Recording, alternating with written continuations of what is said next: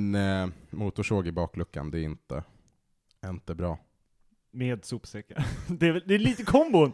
Jag tror att det är lite kombon att jag har sopsäckarna också. Just det. I det här avsnittet ska vi prata om först American Psycho, Ja. och sen Dexter. Jag har också en plastpåse med klippta kablar. Men du, det är för att du aldrig kan återvinna dem. Nej men det, Nej, de det var de stäng... skulle sälja. Ja man tar dem till skroten och återvinner dem. Men det, de stänger så jävla tidigt. Ja det gör de, de stänger verkligen. Det är så konstigt hur återvinningscentralen har kontorstider. Ja, Men det här, det är ju så, precis som Henrik Schyfferts fantastiska skämt om att man måste ta ut vabbdagar för att slänga en gammal snowracer. Det Mm. går, alltså sopnedkastens eh, liksom avstängning, det var då mänskligheten gick under ur ett logistiskt Ja, för, för, perspektiv. för du hade ju slängt en snowracer i. sopnedkastet ja, gud ja. Jag hade bara, jag hade tagit Theos motorsåg, klyvt den på mitten och bara kastat ner bitarna och njutit av ljudet av de dunsandes ner i nedkastet liksom. Alternativ, trycka ner den, höra hur den fastnar, stänga luckan, gå därifrån! Jag har gått och så här, hämtat något lite tungt, bara hällt lite extra vatten i nästa sopsäck och bara såhär, ah, kanske. Det här kanske hjälper. Den, ja, kanske den trycker loss den, eller kilar sig fast. Jag, jag, vill, Vänta ska jag bara slänga lite glycerin. jag, vill, jag vill berätta en grej som är kul. Mm. Avsnitt 100. Det är ett halloween-avsnitt i år. Jag har tänkt på det. Ja, Det har inte jag tänkt på. Spoopy! wow, det här kommer jag behöva. Till alla lyssnare så kommer vi att gå ut med information om vad fan som kommer hända på detta 100-årsjubileum, höll jag på att säga. Med 100 avsnitts Det var fan 100, specialen. Vi 100 har definitivt koll på vad vi ska göra. Mm. Ja, Vad alltså, vill du? Är vi, är vi inte ganska överens om att vi vill livestreama det på Twitch? Ja, men jag tänker Ja. att vi tar en liten myskväll och Mm. livestreamar lite spel. Mm. Ja. Bloodborne, Twitch. Bloodborne, Bloodborne. Bara Bloodborne. Absolut inte Bloodborne. Bloodborne. Nej. Vad vill du spela då? Overcooked? Fia med knuff. Uno, Uno är en Och het. på ES5, Nej, på, på vad heter det? Uno. På um, Board Game Simulator, eller vad det heter. Tabletop. Ja, Tabletop Sim. Mm. Ja, kan vi fia med knuff? Men jag tänkte att vi alla skulle vara i samma soffa eller något. Vilken soffa är det? Den där Den här soffan. får man inte, den här får man, den här soffan, ska du veta, får man inte ha kul i. Så är det med det. Om Bort du med tar sopsäckarna kan vi... Ja, men jag, jag har nog tejp också så jag kan nog klä in den i sopsäcken. Ja, jo. Helst vill jag ju klä in den i genomskinlig plast. Jag har ju genomskinliga sopsäckar. Ah, man kan se soffans storhet. Jag har nog täckplast också, inte i bilen men Ja. till, till när man behöver det. Vad har du Herregud. inte i den där bilen? Ja, herregud. Det här är verkligen, det är Det är verkligen, ja, det här- är verkligen en prelude till Dexter. Ja. Men med tanke på allt annat som finns i den här bilen så ska det inte vara några tjejer i den. Ja, det var ju en där igår och påpekade att jag hade mycket underliga grejer i bakluckan. Smart tjej. Ja, men hon, hon, hon ville lägga sin väska där. Och sen var hon så här. Du har ju verkligen ett liksom starterkit för att åka och mörda någon. Och jag säger, ja, det är lite svårt om jag behöver, för kablarna är klippta så de är inte tillräckligt långa om jag ska knyta fast någon, utan då skulle jag behöva skarva. Men utöver det, Och så säger, scout, det är och så, och så säger du, och så säger du, men med tanke på att ni alla kollar på true crime så är det ju lugnt. Mm. Det är, det är, det är, därför, alltså det är därför man känner igen ett starterkit för mord. ja, uppenbarligen. Alla kollar på damer. Ja, men Nej. jag hade ju inte tänkt Vilken på det av dem? förrän hon påpekade liksom så här, ja du har den där, för, för mig så var det tre separata grejer. Ja. Och sen så bara, ja, men du har den där, och sågen, och påsarna för att göra av med det du har skurit upp. Inte röra sågen Alfons. Det är bra att du fick en syl i vädret. Någonting måste jag komma. Ja. Det var starkt. Ja. Av alla, ja nej men precis. Alfons pappa är ju en eh, riktig fadersfigur, en man att se upp till. Nej men, nej men Theo, det här säger bara hur oskyldig du är som inte pusslade ihop starterkittet. ja, nej men det, det kan vara så. Det var lite min friluftsmänniska i mig som var så här, nej men det här är helt vanligt att ha. Det här kan man göra till ett rep. First step denial. Ja, ja men det är väl så. Och så det enda jag saknade var en spade. Så att, eh, Det är lätt åtgärdat! Du har den här hatten. nej, men, och det, jag, jag vill inte säga så här, ah, nej men snart tar jag ner snöskyffeln som jag brukar ha i bakluckan, så då är det komplett. Jag har en sån liten hopfällbar som får plats. Alltså jag, jag har ju, jag har ju en, en riktig mördarskyffel i bakluckan. För att jag har lärt mig av mina misstag att så här, ska man ha en spade i bakluckan, då ska det vara en redig spade. Ja, nej men alltså, jag funderar på att byta ut den där hopfällbara, för den går bara sönder. Alltså, Ja. den, Tänk vad modernt ändå att ha en så här friluftig seriemördare som handlar all sitt gear från Fjällräven så här på Nordiska kompaniet eller någonting. Är ner allting i en konken. Ja men precis. Det är så här, ja det är så praktiskt, jag kan stycka och få plats. Ja, och det är så himla bra avbärarbälte på det här, så jag kan verkligen lägga det på höfterna. Man ska, Sliter inte alls på ryggen. man ska sticka ergonomiskt. Och du, jag har en sån hopfällbar såg med ett så här snyggt läderfodral, så att den tar inte så mycket plats. Väldigt behändig, jag får ner den i en- liksom bara en liten ICA-kasse om jag vill. Alltså, där kan... så Texas Chainsaw Massacre, Leatherface blev helt plötsligt väldigt snygg när han köpte märkeskläder. ja. Och så oj jävlar vilket linne! Ja visst du, det här. Det är ju bara American på. Psycho. Ja. Men det är också, American Psycho saknar friluftsaspekten. Ja, det är sant. Ja. Men, men det, alltså det, Det är en det- blandning. Am- American Psycho åker ut i Goes Camping liksom. Men är, Ja, det inte, det- är, är det inte jättetydligt att Patrick Bateman har varit eh, scout? alltså, det, det tycker jag märks på hur han är. Jag tror det. Och Förlåt, sen men det är exakt så jag tänker mig att alla som bor i ett överklassområde och skickar sina barn till scouterna kommer bli en dag. Massmördare. Mamma.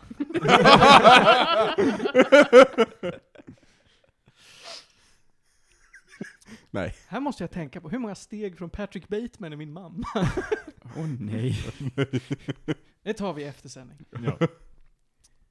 Ja, nej men medan jag funderar på det så tänker jag att här, här, här kommer introt.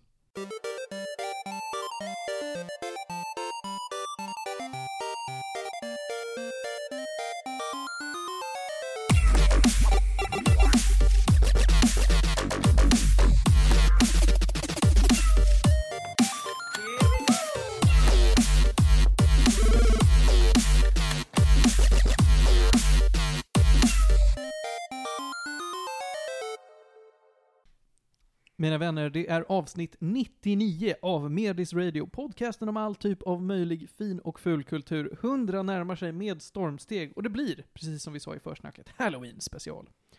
Eh, den här veckan så kommer vi bjuda på en massa skoj, men först, vilka sitter i studion? Jag låter som att jag kommer från typ Mix Megapol, jag vet inte vad som har hänt idag. Jag ska plocka ner eh, några, några snäpp, och så säger vi välkommen Ronja Budak. Hallå! Jag vet inte om jag lyckades plocka ner den, jag är så välkommen. Det är inte ens mitt hus. Theo Tapper, ja men hallå. Johan Käck Hello! och Panos Tetufexis. Välkommen. Precis. Ja. Det är så det ska låta. Det var på listan idag att vi ska prata om Bee and Puppycat. Cartoon Hangover-serien som har varit lite på YouTube, lite på Cartoon Hangover, lite på Netflix nu. Eh, sen ska vi prata om Mass Effect. Vi har nämnt Mass Effect förut, men jag tittade på vårt ämnesregister och såg att vi aldrig pratat ordentligt om det. Där ser man. Det behövs. Mm. Eh, särskilt som jag igår morse blev klar med Legendary Edition. Så, ja, fina eh, remaster, trilogi, samlingsalbum, kalla det vad ni vill. Sen har vi varit och tittat på bioaktuella Nope, Jordan Peels nya film på bio. Eh, Johan, du ska prata om brädspel. Mm. World Series of Board Gaming. Och sen har du med dig serietidningar också. Oh. Ligger på bordet bakom dig. White Ash och Glarian. Mm. Så det är vad vi har att se fram emot idag, men jag tycker att vi ska dyka djupt in i kanske det mest wholesome som jag har sett i år alltså. Skulle jag ändå säga. Med Bee and Puppycat. Mm. Eh, In, innan du riktigt drar Ja, igång, ja, ja. så vill jag att min herre kanske presenterar sig själv. Jaha, just det. Jag, jag, jag förutsätter ju alltid att alla bara vet vem jag är. Jag heter Martin Lindberg och jag är färdigutexaminerad civilingenjör. Woho! Med det så drar vi igång. Bee and Puppycat. Skulle man googla det här så skulle man se någonting som ser ut som en eh, barnbok. Man skulle kunna säga att det här är någon form av eh, väldigt snäll konst. Eh, och vad det egentligen är, är extremt, extremt flummig media skulle jag beskriva det som. Det är en webbserie med avsnitt på ungefär 5-6 minuter, va? Började det som. Eller är de på nosa på 10 vissa? Men Ja, det tror jag. Ja, eller hur? Ja. Mellan 5 och 10 kanske det är. Ja. Mm. Eh, vad, visst är hela början är bara 10 avsnitt va? Jo men det är det. kan nog stämma. Jo. Jag har nog kollat på dem som ja, men, ihopslagna, för då är det, det, ja, men, episod 1 och 2 är egentligen typ egentligen samma avsnitt. Precis, nu, För nu slår det mig, det kan inte vara upp- uppe på 10 minuter för att första 10 avsnitten är nästan exakt en timme. Mm. Och så, och så baserat på namnet så är det här ju såklart en spirituell efterföljare till Cartoon Networks Cat Dog. Nej. Äh, Men jag trodde också det, men nej, inte riktigt. Nej, okej. Nej. Ska vi plocka upp lite bilder så du får se på skiten? Jag tittar på den nu. Ja, okej. Kan du visa Theo så han får se hur gulligt det är? Lyssnarna kommer älska att vi sitter och tittar.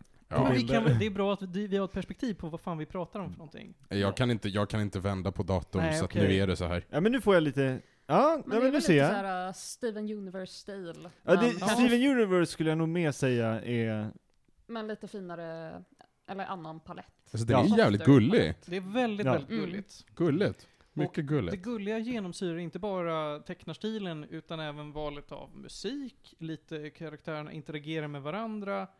Och jag skulle nästan säga att Lauren är lika mysig som, som eh, artstylen, på något sätt. Eh, det ser rätt mjukt ut. det är det, väldigt mjukt. mm. det var lite den första känslan jag fick när jag tittade på det. Serien handlar precis som det låter om Bi, som är en... Eh, hon är både en tant och en, ett barn. det är Mm. eh, väldigt svårdefinierad ålder på Bi. Mm. Eh, men det är en tjej som bor på en ö. Hon har eh, en, sin kompis som då är eh, Puppy Cat. Som är, antar det är nog en katt. Men det är också en hund. Men det, det, det är nog en katt. Den, den ser lite ut som en katt, men den luktar som en hund. Precis. Usch. Som Och- faller ur himlen i första avsnittet. Precis, och så är det, man ifrågasätter, lite, lite som i Adventure Time. Det, jag kommer dra väldigt mycket paralleller till Adventure Time.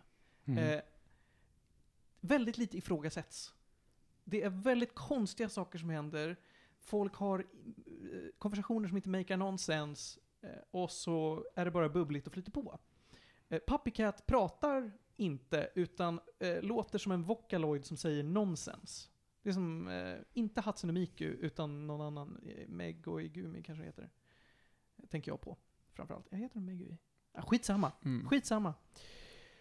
Eh, men man får ju såklart se eh, någon så här, ja, det finns ju en text som säger, ja men vad är det Puppy Cat försöker säga? Och det är en väldigt intelligent individ. Eh, de går på diverse äventyr med folk på den här ön de bor på, och så för att Bi är ganska inkompetent så måste de ofta eh, skaffa små jobb eh, för att tjäna pengar. Och då så har Puppy Cat någon form av portal till en annan dimension. Så att man kan åka in till olika, i den här dimensionen så beter sig allting lite som i Le Petit Prince. Att det är bara att åka till planeter och så finns det folk där som inte ifrågasätter någonting. Utan det är bara, ja, ah, vad bra att du är här. Eh, hjälp mig med en, ett sidequest och få lite pengar. Och så gör de det. Och det är i stort vad, vad eh, YouTube-serien går ut på. De gör olika jobb i varje avsnitt och tjänar lite pengar. Och då, Vä- då så får du sprinklad lore in. Världens mest godartade variant på Rick and Morty. Sure. Sure. Ja. Sure. Mm. Jag tycker nog ändå att Adventure Time är mer konkret. Jag skulle nog kunna köpa en blandning av eh, Adventure Time och Rick and Morty faktiskt. Deras gemensamma kärleksbarn. I Ja. paletten av Steven Alltså det Universe. enda den har gemensamt med Rick and Morty är att de hoppar planeter. Ja. Inget annat. Nej, det, det är det det enda Rick and. Morty handlar om också. För precis som i Adventure Time så får du ju absolut ingen lore given till dig, utan du måste verkligen bara pussla ihop allting som du bara ser och vad som händer. Eh, Eh, ja, det, visst, visst. Jag tror inte vi ska prata så mycket om den här loren, men det, det är en sån här eh, I'm 14 and this is deep. Det finns djup lore om man letar efter den, men den är inte så viktig. Och jag tycker inte att den är så djup som jag internet säger åt mig att den är. Sen har vi Netflix-serien.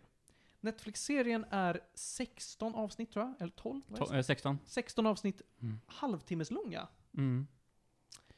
Eh, och det är en jävla skillnad. Den tar nästan hela YouTube-serien och summerar på två avsnitt och sen så kör de på. Jag tror de till och med gör det på fyra avsnitt, Fyra kanske. faktiskt. Ja, de tar väldigt mycket friheter. De, de, eh, Och de, eh, eh, det de- är inte rakt av samma sak, men det är samma saker som händer, men på olika sätt och med lite olika outcome. I första avsnittet så eh, förklarar de egentligen om hur Bi och Papacat träffas. Det gör de inte i webbserien till Nej. exempel. Eh, så att jag tror att ha, åtminstone halva första, kanske till och med hela första, är faktiskt en prequel till hela webbserien. Som sagt, eh, webbserien finns på YouTube om man vill se den, eh, Netflix-serien finns på Netflix. Och det är lite allt. Eh, hur blir pacingen nu när man har ändrat om det på Netflix? Det är en jättebra fråga Theo, och det ska vi komma till. Jag vill framförallt sluta förklara vad fan det här är och fråga lite om vad ni känner kring det här. Bara lite allmänt innan jag kan börja gå in och kritisera skiten ur det här. Oj. Eh, Jag kommer inte ihåg så mycket av eh, originalavsnitten. Mest att det kanske var så här lite äldre slags humor och kortare avsnitt. Eh, Men de här nya tycker jag är väldigt mysiga. Man måste typ ta dem lite som de är och typ go with the flow väldigt mycket. Men den känns mycket mer som en typ slice of life at this point. Tillsammans med, som du säger, lite lore sprinkled in och eh, väldigt sköna karaktärer. Verkligen. Väldigt mysiga och lite mer fleshed out karaktärer i den här Mm. i webbserien. Mm. Johan? Ehm, nej men jag, jag såg ju om webbserien då, jag tror efter att vi hade pratat om den. Eh, och ehm, jag tycker att det, det är sån annorlunda pacing i uh, de båda för att uh, webbserien är verkligen, ja men den tar allting i sin egna takt och gör bara sin grej. Uh, och det, det är nice. Medans uh, Netflix-serien, ja, men den har lite tempo. Just för att ja, men, behöva hålla intresset för ja, men, vad det är som händer. Jag uppskattar också att ja, men, de förklarar mer av ja, men, vad som egentligen är grejen mellan Bio och Puppycat. Uh, vilket aldrig var särskilt eh, klart i, i webbserien. Mm, det håller jag Ehm, med om. Precis. liksom, bara, Hur, träffades, hur träffades de? Varför är de här? Typ allt det förklaras i episod 1 på Netflix. Eh, Jag tror jag såg sex avsnitt av eh, eh, serien då. Eh, och eh, ja, men där fram...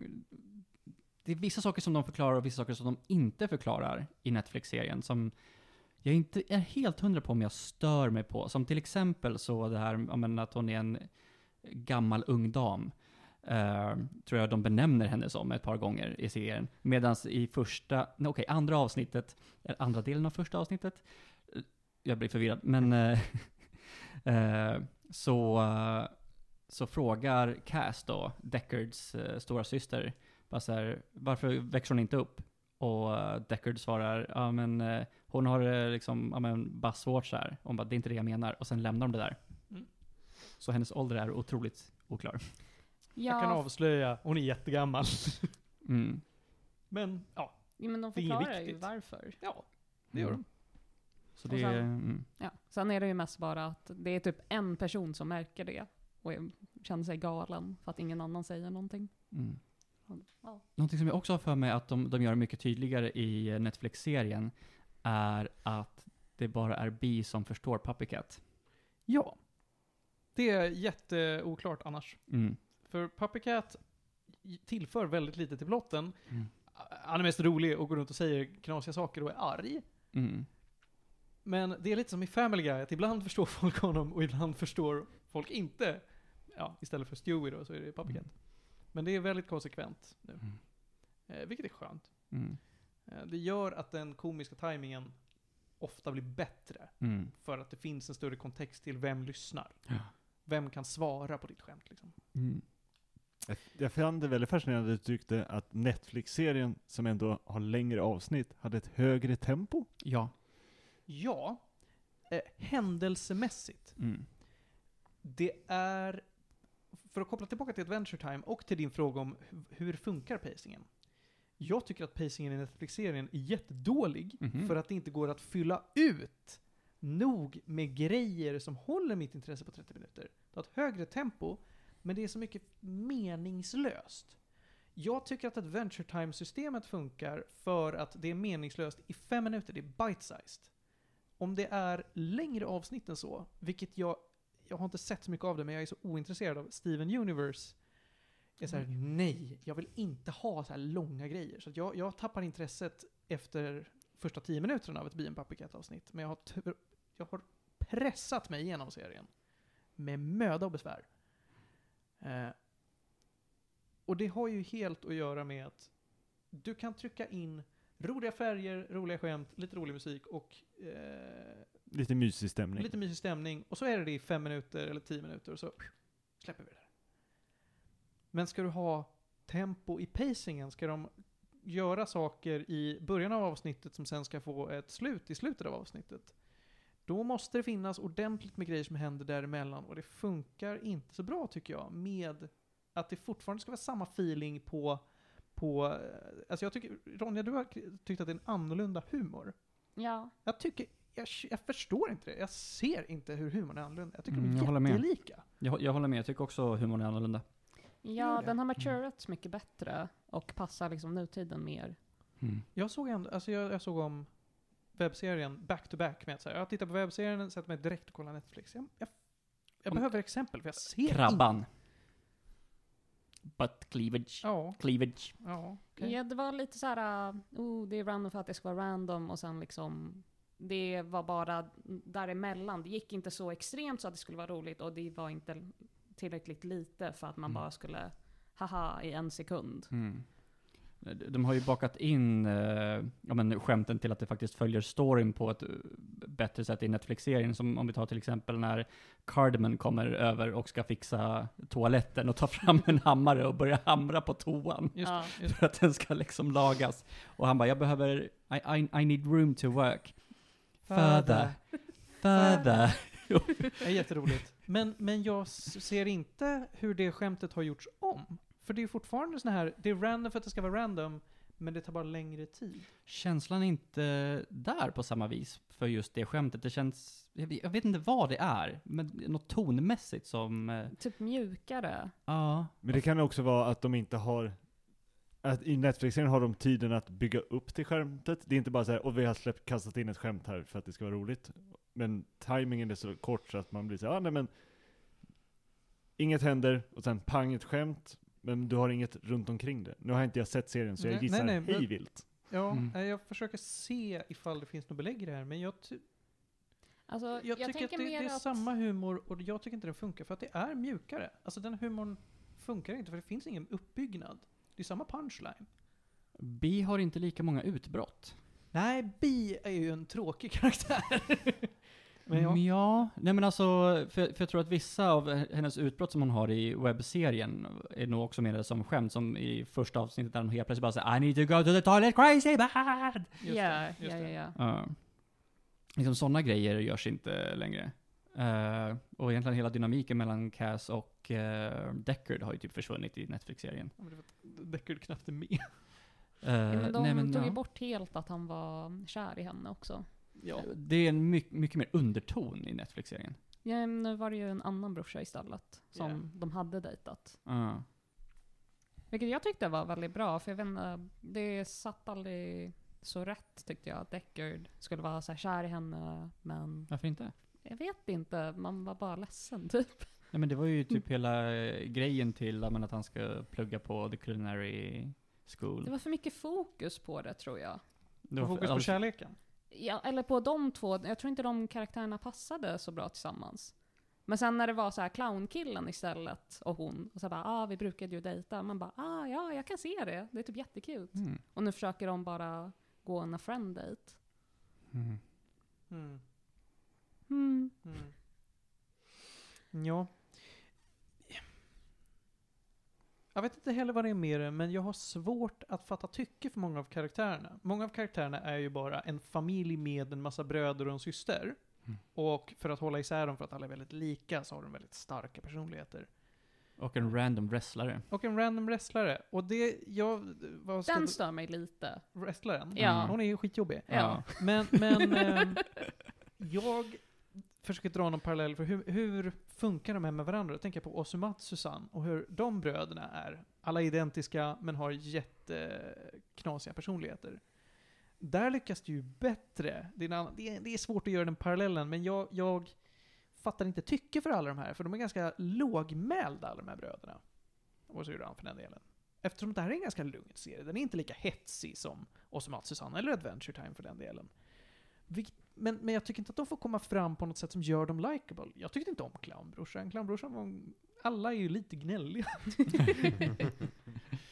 Och vissa karaktärer kan man ju tycka om när de gnäller. Man gillar, eh, eh, vad heter han nu? Lemon Grab.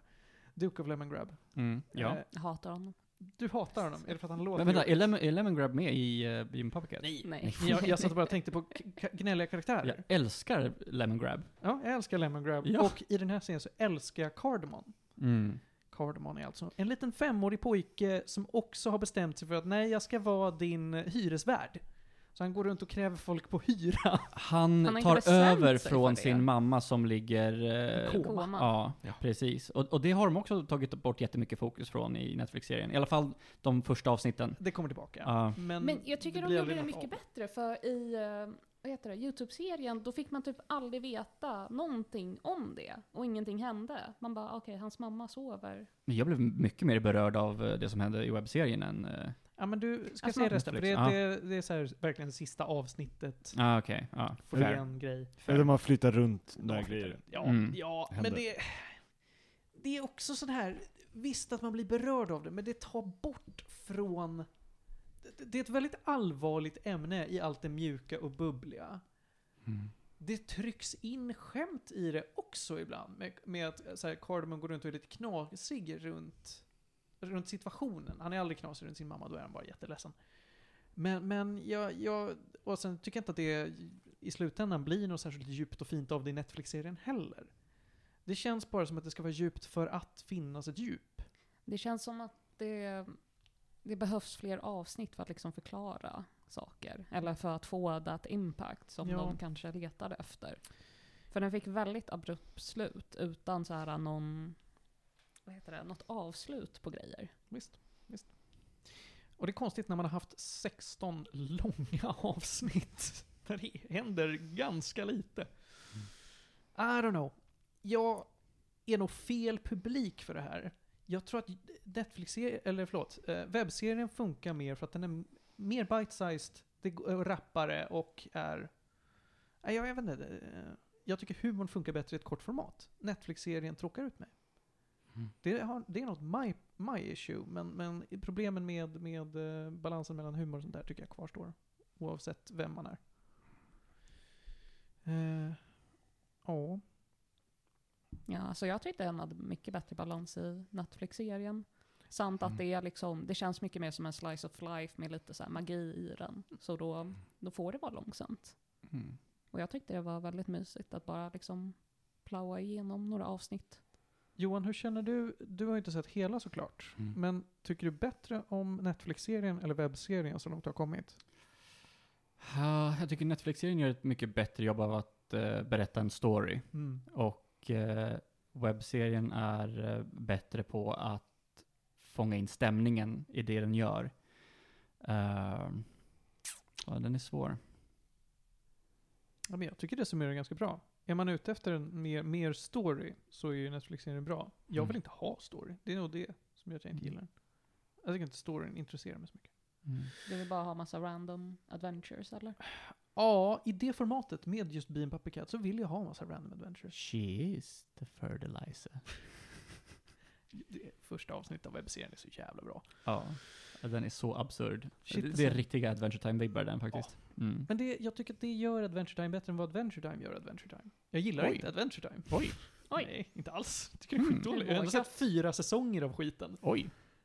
Men jag, jag tycker att formatet som Adventure Time har, med Bite-Size Adventures, det är som, eh, inte första avsnittet av Rick and Morty, också lite kortare.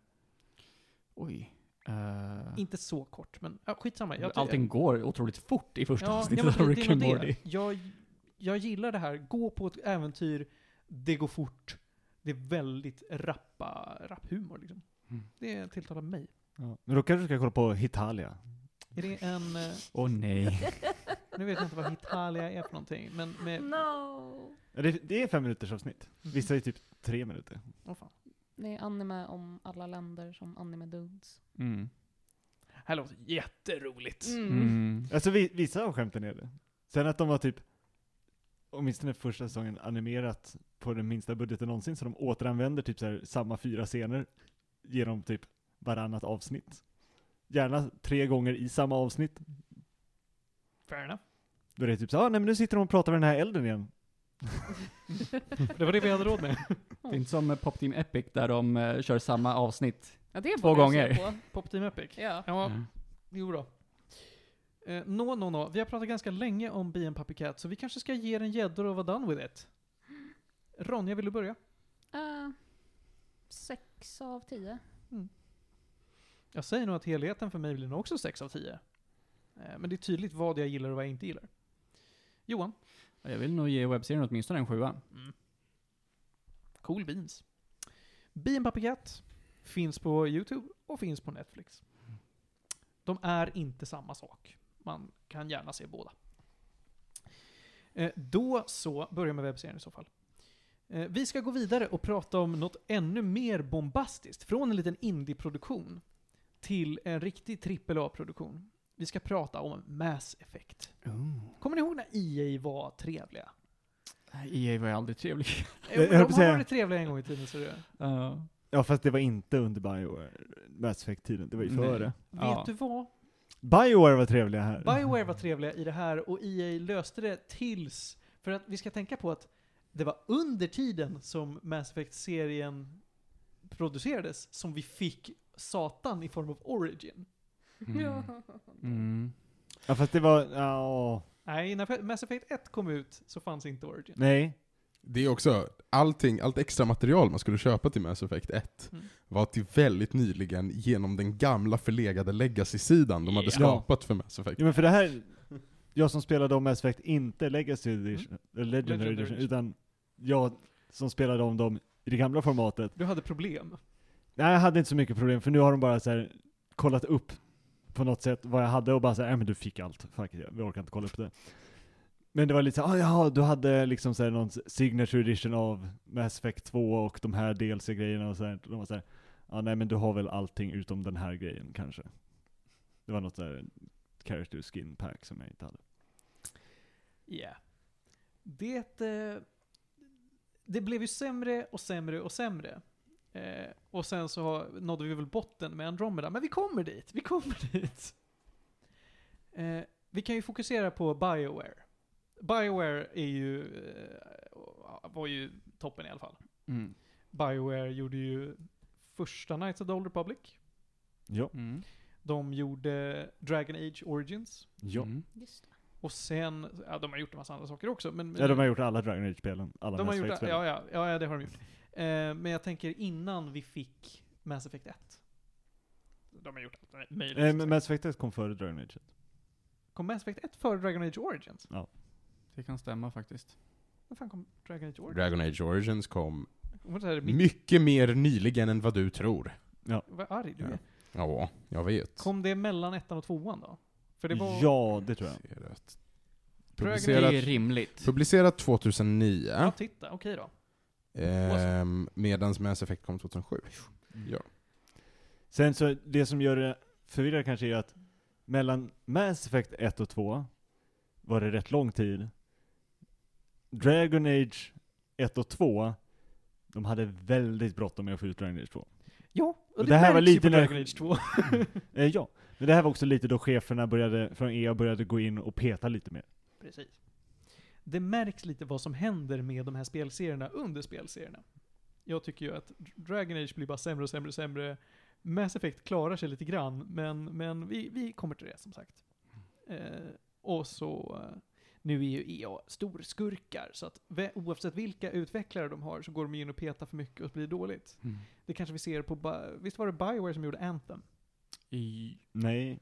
Vilka var det som gjorde Anthem? Bungie? Var det Nej. Bungie? Nej. var Jo, Bungie? nej det var Det nog, var väl Bioware? ja, jag tror, men inte Edmonton, utan en av dem. De döpte om en annan studio till Bioware, något annat, och sen så fick de göra Anthem. Ja, Ja, men det, i sådana fall är det ju likadant med eh, Mass Effect Andromeda. För det är ett annat, helt annat team som gjorde Andromeda än som gjorde Ja trilogin. fast de tog ju in eh, Kate Hudson eller vad han heter. Casey Hudson. Casey Hudson. Ja, men han fick inte vara med så mycket. Han var med lite grann. Han, han fick ju vara med och försöka rädda det Ja. halv... Eller ja, han, visst halvvägs. kom han in sen? Ja, han kom in halvvägs in i processen och gjorde om massa grejer. Just det. Just det. Men det är också väldigt... Vi tar Andromeda sist. Det gör vi. Jag har åsikter. Jag Det är inte så vill... dåligt som folk säger. Vi ska ta, vi ska ta ett steg tillbaka. Vad är Mass Effect? Mass Effect är ett third person shooter med lite RPG-inslag. Med mycket fokus på karaktärer. Eh, det första spelet kom ut 2007, andra 2010, tredje 2012 och fjärde då med Andromeda 2017. Eh, och det här är producerat av, av eh, projektledaren Casey Hudson. Som tidigare jobbat på, och det vet jag inte riktigt, men eh, när man är ett geni. Men första Mass Effect tror jag också var under de två doktorerna. Som hoppade ut efter Mass Effect. Men alltså nu har, ni, nu har ni sagt, du har sagt Casey Hudson typ tre gånger. Ja. Och ingen har nämnt Yvonne Strahovski, och jag är väldigt missnöjd. Men Yvonne Strahovski kommer i tvåan. ja, men Ja. viktig! Men Ja. vet du vem som är viktigare än, än Yvonne Strahovski? Det är Keith David. Keith David. Håll med mig.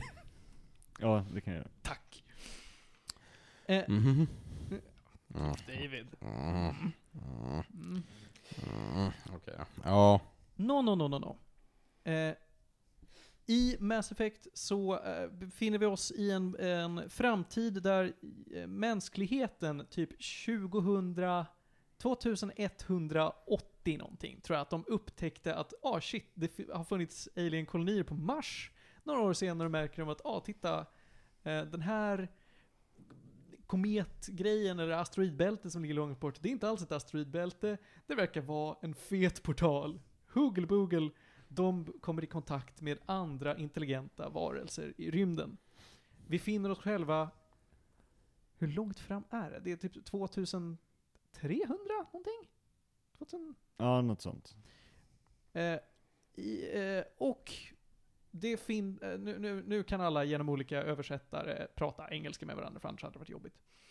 Eh, vi befinner oss i en väldigt politiskt laddad, eh, ja vi är ju fortfarande i, i, eh, i eh, samma Milky galax, Way. The Milky Way, precis. Vintergatan. Eh, som vi är just nu, men, men vi har breddat oss lite grann. Det finns eh, Ja, nej, men vi ska väl säga att det finns ett politiskt centra som kallas för The Citadel. Och det är en stor, stor eh, rymdstation. Som verkligen är, är ett eh, centra för, för galaxen. Det ligger inte i mitten, men, men eh, det, det är liksom the shit. Och där alla raser samlas för att eh, kommunicera med varandra eh, och genomföra politik. För det blir ju så att Eh, det ska alltid finnas någonting att ha en konflikt kring och någonting som enar varandra. Och är det inte länder så är det fan med raser. Så nu bryr vi oss inte om eh, Kubakrisen, vi bryr oss inte om Ryssland, vi bryr oss om mänskligheten och de där aliensarna. Mm. Det är mycket ras i det här spelet, det är väldigt mycket ras. Vi spelar som Commander Shepard, som jag, jag, jag har alltid spelat som en kvinna. Ja, för att Mark Meir är så mycket sämre än Än Jennifer Jennifer Hale. Ja. Ja. Mm. Fem käpp, Ja. all the way. ja. Han blir dock bättre, men jag har också alltid spelat som kvinna. Men jag, eller rätt sagt, jag som har spelat de här spelen flera gånger, rätt många gånger, och har testat lite olika. Hon är mer, eh, hon är mycket jämnare och bättre i alla spelen. Mark Meer blir bättre och Ja, mer, bättre. mer är bara bra i trean, jag har också, jag har också spelat, jag har spelat playthrough av, alla, av hela trilogin med både Shep och Femshep. Ja. Alltså, Shep ger ju ehm, tillgång till mycket memes första spelet. Mhm. Mycket som låter fett derpy. Eh, ja. Första spelet är en upplevelse i sig. Första spelet är ganska derpy. Men du är i alla fall Commander Shepard, du är en, en del av den mänskliga alliansen. Du är en militär, eh, Dude 1. Eh, som, som, eh, jag ska inte förklara hur all politik fungerar här, för det är jättejobbigt och tråkigt att lyssna på ifall man inte bryr sig. Mycket lore. Det är väldigt, väldigt mycket lore. Finns böcker att läsa också. Det finns mycket böcker. Eh, du får Hoogle Boogle eh, uppdra, eller du, du eh, ska undersöka en grej på en planet. Du och ditt militärteam droppar in och vips så hittar du en artefakt från en, en uh, uråldrig civilisation som varnar om att boy, det kommer en ond ras med maskiner som kommer utplåna galaxen på allt liv. Uh, gör någonting åt det, ha så kul. Och så måste du övertyga resten av galaxen om att hörni, vi står inför ett stundande hot. Kan vi inte bara lägga ner våra konflikter och eh, enas mot det här stora hotet istället? Och så ska du göra det. Eh, Och du, i första spelet så börjar med att du ska slåss mot Saren Atropides, tror jag han heter. Atropides. Jag har aldrig hört hans efternamn tror jag. Ja, Eh, Saren. det jag tror att det är en bok det nämns. Ja. Mm. ja. Det finns någon side-konversation då de säger hans fulla namn också. Men, Eh, det är lite det man behöver veta när man dyker in i det här. Ja. Du kommer åka runt i eh, ditt rymdskepp som du blir ansvarig för och lösa politiska konflikter, träffa väldigt intressanta karaktärer, plocka på dig en massa intressanta karaktärer som blir en del av din besättning och bli kompis med dem. Ja. Vi kan ju börja med att du är ju lite av en James Bond i, för du, de håller på att utvärdera dig för att bli med i gruppen som de kallar för Spectres. Special Tactics and Reconnaissance typ. Ja. Ja, någonting sånt ja. Och det är då folk som av liksom the council, den här uh, styrande enheten där alla rymdvarelser är med höll jag på att säga. Alla är en del av det, men alla har inte lika mycket rösträtt. Nej. Mm. Och vissa är inte en del av det. För att de är... Vissa är Batarians. Jag har ju inte fel! Nej, men alltså vissa har ju gjort bort sig.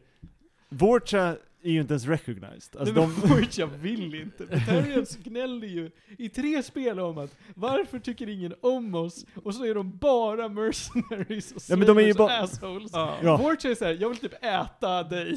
Mm. Ja, för det är också council, liksom de andra använder ju dem som byggarbetare för att de Ja. kan andas, i, eller de kan leva i vakuum. Ja. Men, men alltså det är ju väldigt mycket så här. ger du the council minsta lilla ursäkt att säga att du betett dig som ett barn, då har inte du en röst längre. Nej. Alltså, alltså, det, det, det är väldigt mycket, det är ju rasism. ja, det det är, är, ren rasism men och... det är eh, intellektuell, alltså det, det det är elitism eller vad Ja, det är en eliti elitism, Elitism. för... Ja, det är elitism. För att, alltså det är en intellektuell elitism. Alla de här raserna är inte lika kapabla rent, rent liksom intellektuellt att vara med i det här högsta styrande organet enligt det mest intellektuella högst styrande Men vad organet. har du emot Elcors? Elcor har jag ingenting emot. Nej men okej, Jag, jag är hörni, lite skeptisk mot Volus. hörni, hörni, hörni, är Asaris tredje riket? Det är lite oklart. Och jag är också, jag har en fråga. Ja. För att Alltså, Asari menar- lore ändras lite ut efter serien. Ehm, I trean sker det ju lite discoveries, men den är konsekvent rätt igenom ungefär. Den är ganska konsekvent rätt igenom, men jag tror att är det i trean, nej det är i tvåan, då det i en väldigt liten side-konversation framgår att Asaris ser ut som den som tittar på den vill att den ska se ut. Ja, Ja, ja, ja! Det här är en grej. Ja, Ja, för, men ja. jag har också läst att den beskrivs bara som människoliknande varelser. Det är för alla- att det är människor som observerar dem. Ja. För Men det är ju inte bara det. Jo! I, Ja, men du kan ju inte säga att de ser ut så här, för de ser ju ut som den som tittar. Nej, Alltså, fast det är ju det, är den, det är den POVn du får. ja. Så att vadå, alla mina internetforum, Ja. om jag går in och kollar Mass Effect mina så kommer de vara såhär, nej men det är för att det är människor som har skrivit den här sajten. Ja! Nej, alltså alla har väl inte läst den, men ja. Alltså är, kodexen är skriven från ett perspektiv. Kodexen är absolut skriven från ett perspektiv, men i kodexen så säger de inte jättemycket om att de ser ut som människor. För Asaris är manipulativa rymd... Nazister. Ja, ja. Ja. Och, och, och, och de har telepatiska krafter. Ja. Mm. Och de ser sexiga ut för dig! Ja. Vem du än är. Mm. Du kan stå och tjuvlyssna på en svensexa. Det är så man får reda på att de kan se ut lite som vad som helst. Är det inte när man går till eh, the consort, som det är en, eh, som säger ah, I see eh, the consort is irresistible to humans as well. Ja, Ja, men det, det säger ju inte direkt att... eh. Det är fort, men det hintar. Ja. ja, Ja, på, på svensexan är det rätt tydligt då de ska försöka beskriva den här tjejen. Hon Och säger, alla "Han ser ut som beskriver honom, Torian." Bara, Ja. Nej men hon är ju en Salarian. ja, Ja. och alla beskriver henne på lite olika sätt. Mm. Det är roligt. Eh, det finns en massa eh, olika raser och det är ju såklart både intressant att lära sig om. Ja, men för något som jag tycker de har gjort bra är att få de här raserna att kännas unika, de har utvecklats på olika världar, på olika sätt, och liksom evolutionen har gjort olika val anpassat utifrån deras eh, miljö. Jag köper de flesta av dem. Jag köper också de flesta av dem. Det är vissa som är så här: hur går det? Stackars Batarians. Men jag tycker, jag så här, Batarians är all ära, men jag tycker att de får ju så mycket short end of the stick. För att de blir ju, alltså de är ju nästan förslavade i vilka roller de får i samhället. Men de verkar ju väldigt kapabla. Ja, nej men alltså det... De, det hintas ju rätt mycket om, de har gjort en hel del fulingar före spelaren hoppar in i storyn. Mm. För att jag tror att det är någon sån här 40-30 år mellan där vi hoppar in, för det man ska komma ihåg är att mänskligheten är rätt ny in i gruppen, liksom the council. Jag tror det är vad de kallar för the first contact war, då människorna först upptäckte en annan eh, När vi använde the mass relay, Ja. hoppade lite, upptäckte va, åh, här är aliens, nu blir det vev. Ja. Jag tror bestämt att människan har varit ute i rymden länge, men det är 19 år efter. Jag tror att, de, jag tror att det står i förtexten till Mass Effect 1, att det är 19 år efter Ja, First. Contact War som Mass Effect 1 utspelar sig. Men kan så att eh, fem köper blir Spectre och, och samlar på sig en crew. Ja, Ja. Och det, det är allt man behöver veta om storyn. Alltså Ja. vi behöver inte dra av allt, allt vad fan man gör. Men, Nej. men Ganska kan djupt in i kan nu, känner jag. Ja, ja, det är vi verkligen, men det är ju mest eh, detaljer. Det, är Ja. inte, det är inte vad man behöver. Det är, inte vad, man- det är vad vi behöver prata om för det är kul. Eh, lik förbannat så... Eh, vad var det jag skulle säga? Nej fan, jag tappade tråden. Ja. Attans Johan. Frågan Hanar. Ja, just det. Eh, ingen lyssnar på Shepard. Det är väldigt svårt att övertyga folk om att lägga ner era vapen mot varandra och plocka upp dem mot det här stora hotet. Jo men, det är för Även att, fast hotet är mitt framför ögonen på den så är det väldigt lätt att blunda. jo men det är för att dum liten människa, haha. Precis. Ja. Människa, folk ser framförallt i det första spelet så tycker folk att mänskligheten, de är typ Batarians. Nej men alltså grejen är att det är också så här. här kommer ni, liksom ni har inte varit med så länge och ni vill ta en ledande roll. Ni, och många va- rymdraser har gjort bedömningar så här. ni vill bara jobba er uppåt i makten så snabbt som möjligt. Mm. Och alla är så här, ja men lugna ner er lite. Mm. Och sen när en människa då faktiskt upptäcker någonting och försöker göra någonting så är de fortfarande så här, ja men lilla vän, ska du, ska du verkligen Ja, komma? de ser som eh, makthungriga och vill bara ha makt egentligen, typ. Mm. Just för att de eh, försöker kämpa sig uppåt liksom.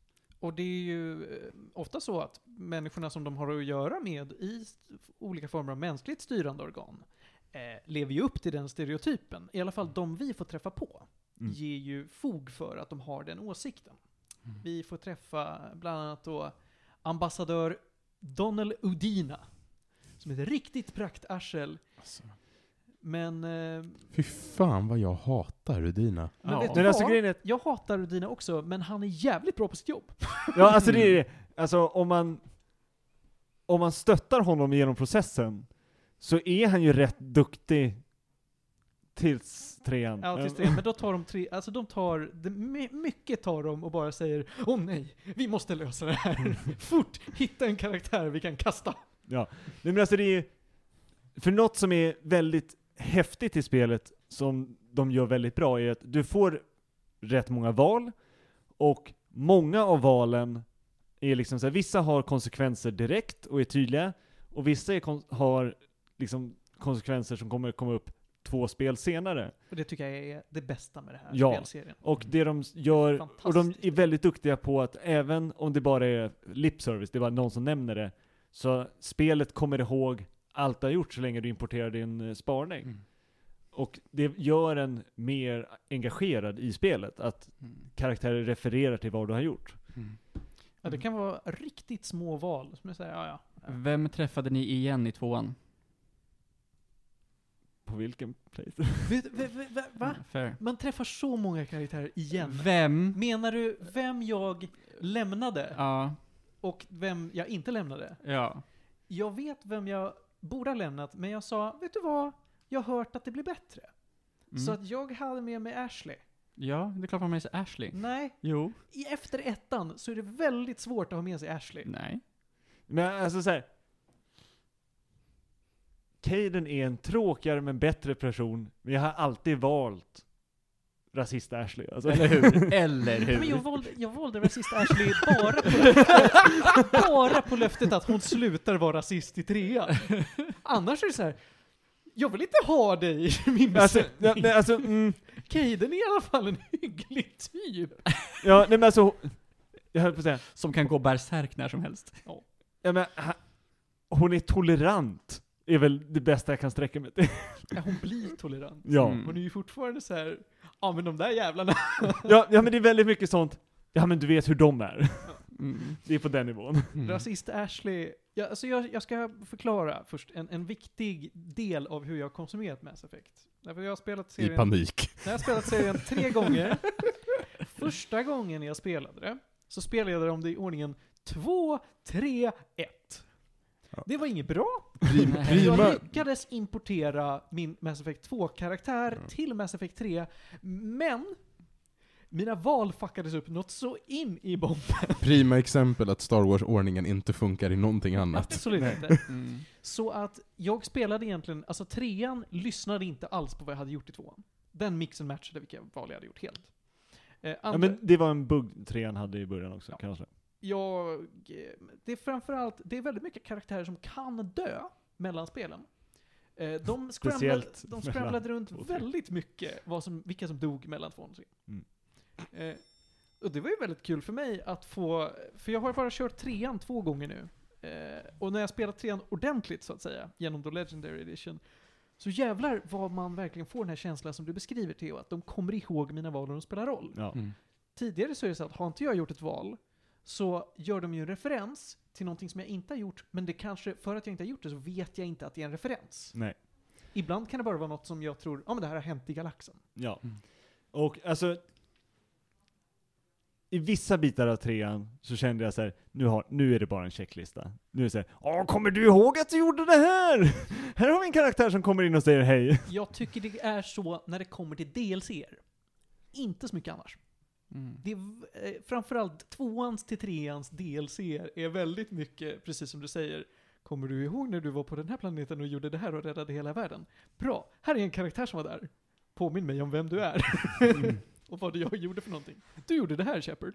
Okej. Ja, men det- du kan ju ställa frågan om man inte kommer ihåg det, för att man kan ju också ha spelat med några år emellan spelen. Självklart, självklart. Men det är ju snyggare när man inte får möjligheten att säga påminn mig om vad jag gjorde som var så bra. Ja. när Men- det är mer invisible design. Ja. Vem, nej, vem romansar man? Oh, det beror på. Jag vill Liara höra... till Sony. Det gör du. Ja. Du körde hela vägen igenom. Ja. Ja. Nej, jag gillar inte Liara så mycket. ja Hon blir bättre, men... hon är okej. Eh, Jag, får jag gissa, eller jag vet, tror jag, men så därför ska jag inte gissa. ja, nej men Tali Ja. på, Mm. eh, om man spelar uh, Mail Shepherd. Och sen så har jag ju min fantastiska ödla. Min, den deppigaste storylinen man kan välja. Creed. Thane. Ah. Men alltså Thane är Thane är the, the best of souls. Alltså Ja, jag älskar Han är pure. Ja, alltså, kan vara... Nej, jag grät två gånger tror jag. Men, Ja, den är fin. Jag vet att det är mycket, many panties dropping för Garrus. Jag, Jag tycker han är skittråkig. När jag spelar Female Shepherd, då kör jag på Garrus. Men jag har också råkat, Mm. min första playthrough, då körde jag på Jacob av misstag, för jag fattade inte hur mycket jag låste in mig på det. Mm. Och sen på eh, Samantha Trainer. Ja, Trainer har jag också Ah. testat. Eh, det är ju bara, Det- du det kan är bara mer- böga med Trainer. Det måste vara Female Shepherd. Mm. Ja. Men det är, det är en rätt gullig flört, skulle jag säga med. Fin flört. Ja, den är vä- välskriven. Den är bättre än, än eh, Diana Chambers, nej vad fan heter hon? Eh, Allers. och- Allers, Diana Allers. Okej. T- TV-bruden. Ja, men Två hon- frågor. Den är kryss. Två frågor. Varför Tally? Så Den storylinen blir så fin i, i trean. Alltså, Säkert. Att romance är härligt. Ja. väldigt gulligt. ja. Jag Dock, också, när, när, jag, när jag har testat att kolla på det, Nature det som grejer, då är gör en lätt Men- obekväm är, hon är, nu vet jag inte hur gammal Shepard är i ettan, men hon verkar väldigt ung i ettan, och hon är inte romanceable i ettan. Men, men, men hon är också en hypokondrisk, gladpackad ödla. Ja, det är.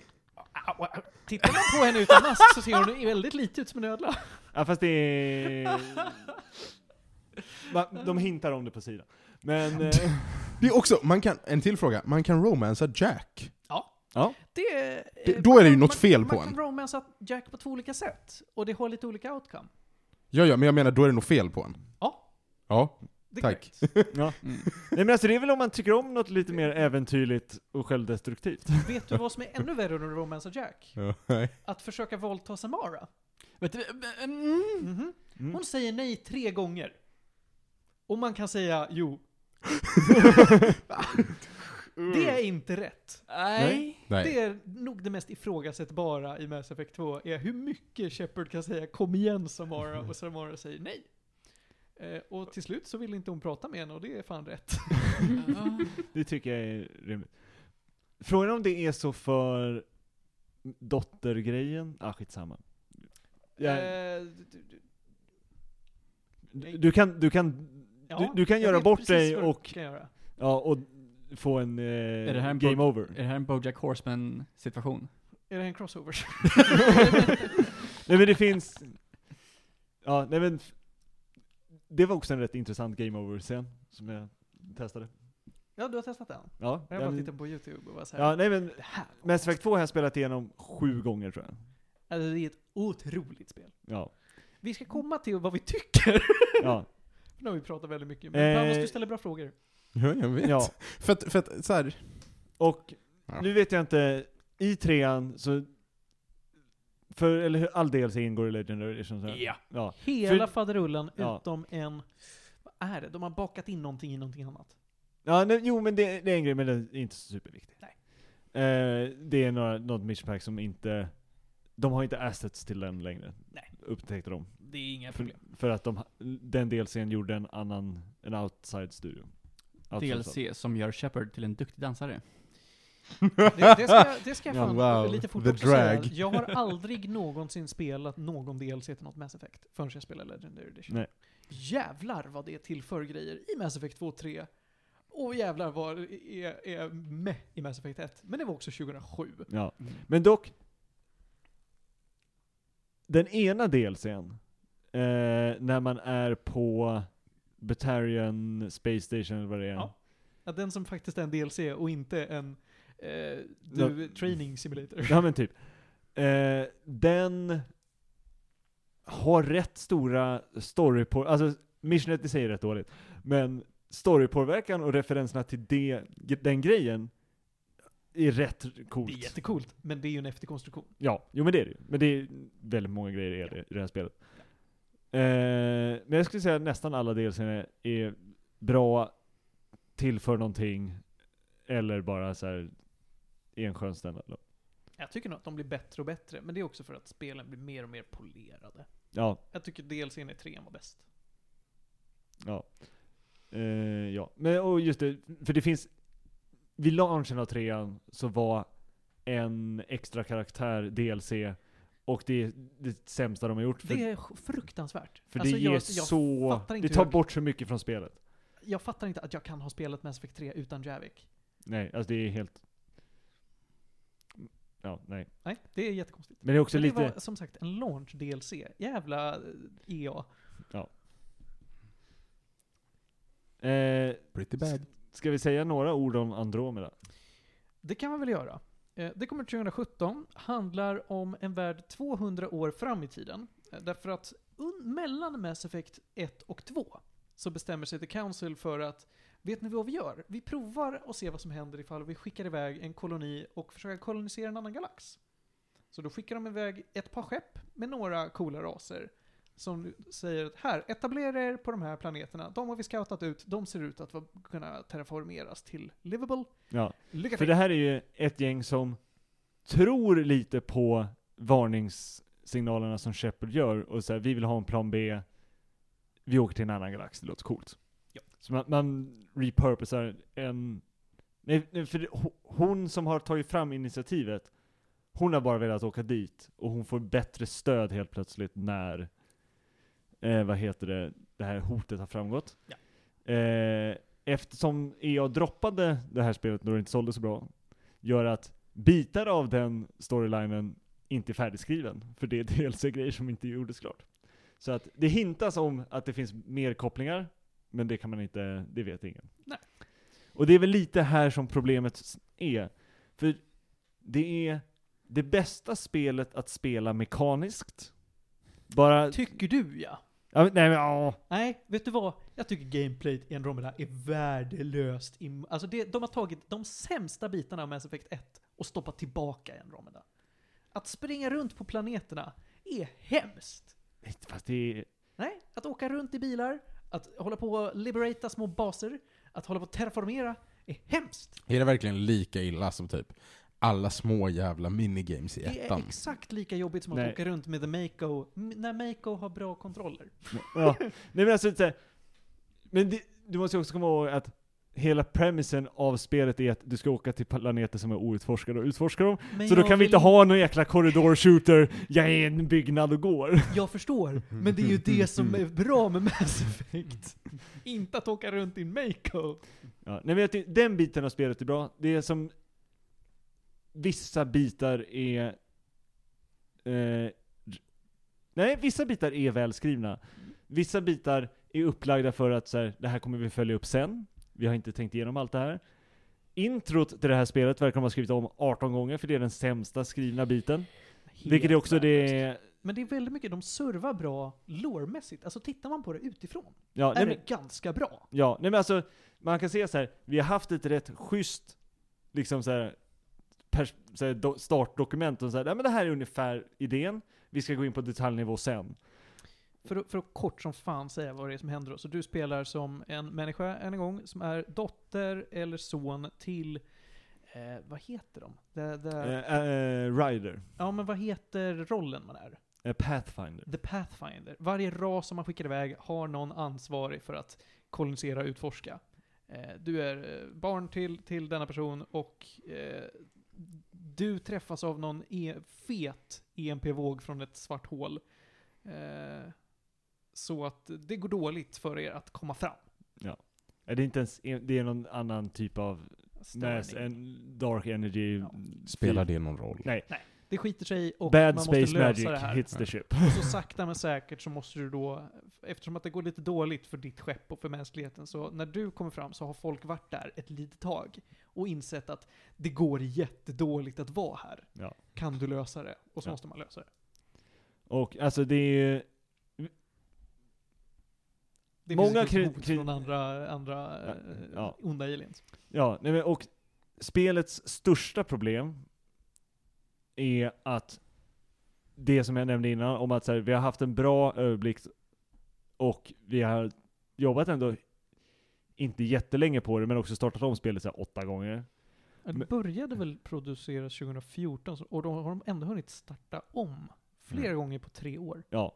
Och det är därför så här, själva liksom shooting-motorn och alla de bitarna är väldigt väl genomarbetade och funkar väldigt bra. Oavsett om man tycker om gameplay eller inte så kan man inte säga att de är mekaniskt dåliga. Det är de inte. De är jättevälgjorda. Ja.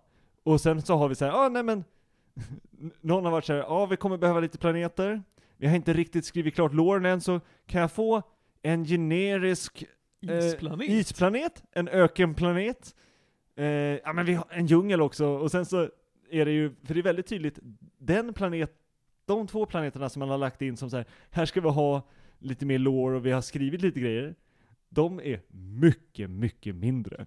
Ja, De det är, är de jag gillar bäst. Ja. de är mindre och fokuserar mer på det som är kul. Ja, fast den där jävla djungelplaneten är så jävla tråkig. Men skitsamma. Ja, nej men alltså, och det... De hade för bråttom, vilket också var ju, alltså varför det fick så mycket dålig kritik var ju också att det var väldigt buggigt för många. Speciellt på konsol när det släpptes. När jag spelade och det släpptes så hade jag ganska tur. För jag kom igenom nästan buggfritt. Jag kan ha haft två buggar. En som jag vet.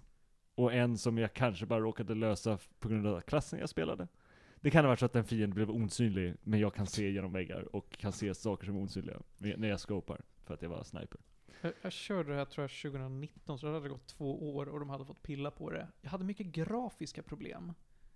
Hade Rent inte. visuella, men jag hade nog inga mekaniska som jag kommer ihåg. Nej. Det var... Nej, nej det var inte farligt. Ja. Ljudet försvann på ett ställe och då var det bara så här, spara, starta och så kom ljudet tillbaka.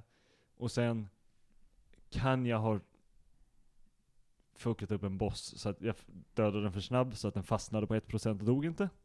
För jag gjorde för mycket damage på någonting eller någonting. Det var någon fasgrej tror jag. Mm. Eller så var jag bara dålig och dog på 1%. Det är också möjligt, men det kändes som att den sista procenten tog väldigt lång tid. Panos och Johan, har ni spelat Mass Effect Andromeda? Nej. Nej. Och det är med flit. Ja. Ja. Alltså ni behöver inte. Nej, men med tanke på att inte så bra. Nej men alltså, problemet är att potentialen finns där och det finns, alltså, alla utom han, eh, polisgubben var hans, en av, jag kommer inte ens ihåg vad han heter. Jag kommer inte ihåg vad någon heter. Eh, jo men du Jag kommer ihåg att har, man heter Sarah Ryder. ja, ja, men, Inte Flynn. Nej, det är fel det är universum. Det är Ah, Disney. rackarns. Bu. Mass Effect är inte Star Wars. ja, ja men du har ju, Kara, är hon, Det är eh, m- människan... människo, eh, commando, Man är någon, biotic. ja, precis. Det är någon sidekick till dig, typ. Ja, hon, hon är, Familjekompis eller något. Hon- Hon börjar som din pappas second in command och ni får en rätt stel relation på grund av att du hoppar före henne i rang. För att din pappa bara säger ah, nej men jag tycker att du ska ta över. och, alltså, På och- grund av nepotism. ja, nej men och så här, hon är kanske inte den roligaste karaktären, men hon är välskriven och reagerar så som en människa borde göra i den situationen. Är hon bättre än James? För James är fan en av de sämsta karaktärerna, tycker jag. Alltså James, ja, hon är ju bättre skriven än James, James är lite roligare att ha Ja. med sig. Ja. För att, för hon, så här, den här personen är bara seriös och har typ inga one-liners. Och det är väl också det, många av karaktärerna som är skrivna i Andromeda är så här, ja men de är väl tekniskt sett bra skrivna karaktärer som är trogna till sina karaktärsdrag. Men de är också rätt tråkiga. Och förutom då, de har någon polis som ska vara lite så avslappnad, the funny guy, den andra människokompanjonen du har. Och han är, han är bara jobbig. Alltså, för han är inte rolig, men hans roll är the funny guy. Så att, han är bara såhär, had one job. ja men precis bara, du är bara awkward. Och vi har en karaktär vars jobb är att vara jobbig och awkward och det ska vara roligt. Även om jag inte tycker att det är roligt, så hon levererar på att vara awkward och jobbig. Mm, mm. Sen är inte det för alla. Mm. För det är hon, eh, Phoebe, eller vad hon heter, Peavy. Asari-bruden. Ja, just det, just det, just det, just det. Nu kommer jag ihåg. Ja. Sus. Ja, det är lite sus att ha Asari med sig alltså. Ta, eh, vi tar, vi tar eh, hon eh, Liara och bara... Sus. Ja. Liara är härlig. Ja, för, för det här är så här. Om Leora tog kokain. då, då får du Liara är ju konstant hög på Red Sand. Nej, men Fast Leora är så här mycket lugn och lite mer så här bara LSD mjuk. ja men alltså, om det är någonting som jag inte gillar med Liara så är det ju hur hon pratar. Det är ju verkligen som att så här. Vänta, ja, alltså det kommer kicka in när som helst. Prata inte för högt med mig. ja, nej, men det, är, det är en nivå hon har nästan genom alla spelen. Ja. Men Asari-bruden i... I Andromeda, och hon vet ju inte vad hon ska säga innan hon säger det. Mm. Alltså det är bara, det är ord på ord på ord och sen så kommer hennes tankar ikapp och så, det är bara, hon är superrörig. Men, eh, ja, nej men. Och sen så har de ju han, för de har ju en till Krogan som är ännu äldre än Krogan som man har med sig i, Mass Effect 1. ja, och han är okej, han vet att han är fett gammal, men det, det finns ett moment då han i ett mail försöker muntra upp dig, så han har skickat dig bilder på gamla gevär. och det är bara så här, känns som en väldigt så här, äkta, gammal så här, redneck, liksom, den typen av karaktär skulle jag bara, ja men jag, vet- jag, jag vet inte riktigt vad jag ska säga men har du sett den här gamla? Tycker du om sånt? Jag vet inte vad man ska säga. This cheered me up. Ja, men exakt. Mm. Och det, och det är väl det som jag kom fram till i spelet, förutom att starten på spelet är väldigt dåligt, och sen också att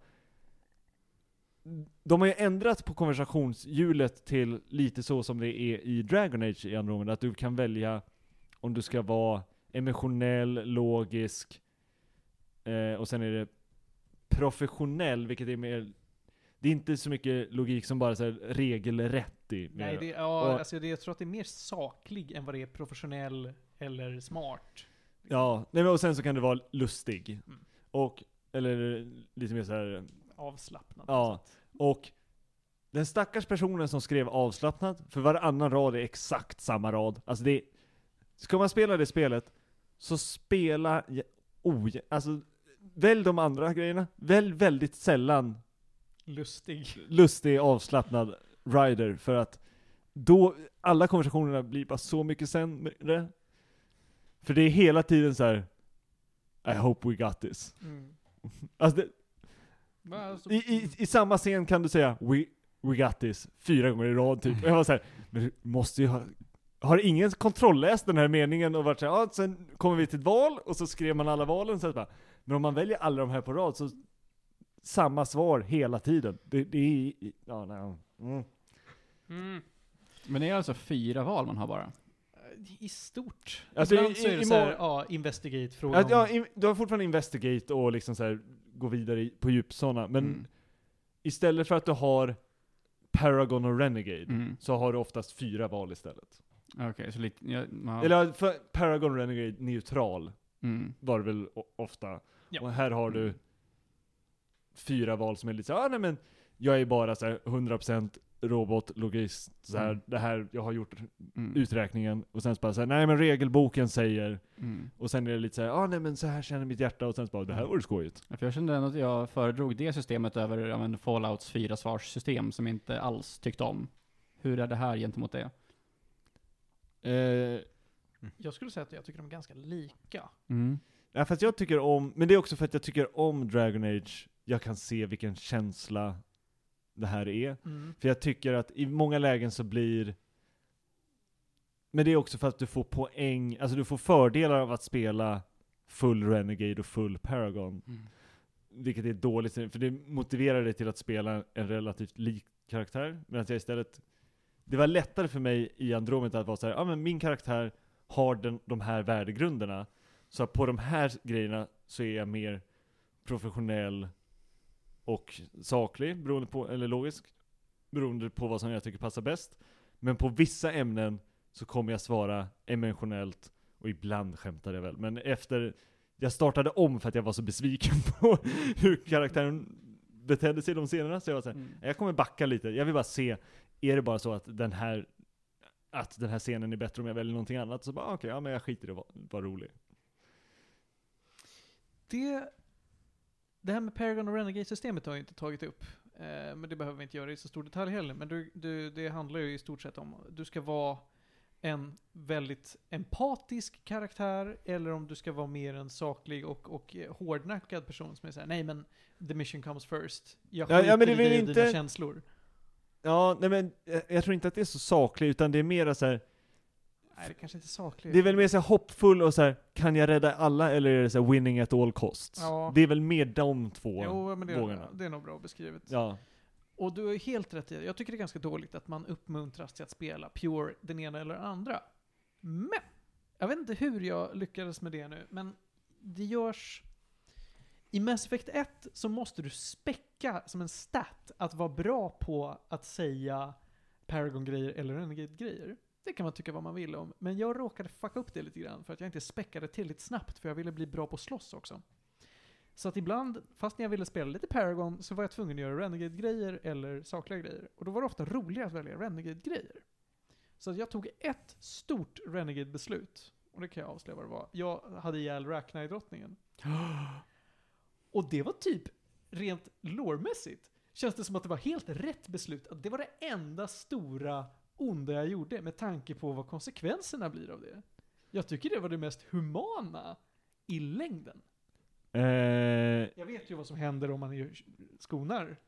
ja, om du skonar, alltså så här, den storyn, den branchar och går tillbaka och du kan göra, du får ett tillval där du kan välja att göra bort det igen, lite beroende på vad som har hänt. Men, ja, på e- Färre Krogans dör. ja, nej men alltså såhär, Äh. 100% korrekt. Hindsight 2020. Ja, man kanske borde ha dödat henne här, där. Men du kan också få rätt mycket hjälp. Om du, om du håller henne i liv Mm. och hanterar situationen på rätt sätt. Ja. Ja, då får du lite av det, men jag tror inte du går Ja. netto vinnande ur det faktiskt. Nej, det- säkert inte. För Nej. som sagt, Krogan, kraften du får får War Power är mycket. Så Ja. att du tappar mycket. Ja, dock du får rätt mycket. Ja, Dock- du får ganska mycket också. Men Då du blir straffad hårdast, det är ju om du väljer att döda henne och sen att ja, bara säga ja men jag ger chans två, då tar vi den. ja, det är skitbucket. För då, då kan de, då får du pisk kan Då får du säga. Ja, jo, det är lätt. Nåväl, nåväl, nåväl. Jag tänker bara som min sista tanke, vilket var den andra scenen då jag grät i trean, och det är min favoritkaraktär genom alla spelen, Mordin Solus. ja. Jag håller helt med dig om att Mordin Solus är min absoluta favoritkaraktär. Han är precis en per... Alltså han är så verklighetstrogen till hur man tänker sig att en sån person skulle vara. Ja. Lill Mad Scientist. Ja, Ja. för i början så är han väldigt osympatisk i och Ja. med att han inte, alltså han, han är, han är, bryr sig inte om någonting annat än att netto gå vinnande ur det här. Ja. Världen kommer benefitta från att göra ett eller två. Har ni försökt döda honom? Försök döda honom. Du Mm. menar som att försöka döda honom i... Det är i Tvåan? tre, nej, i, i trean är vi nu. Ja... När kan jag döda honom? Jag kan ju Du- bara... Jo, du kan, du kan skjuta honom. Kan jag skjuta honom? Ja. skjuta Just kill him. ja, jag kan säga, jag har aldrig lyckats eh, Du trycka kan av. få trycka på knappen. Nej, men scenen då du pistolhotar honom är fantastisk, för då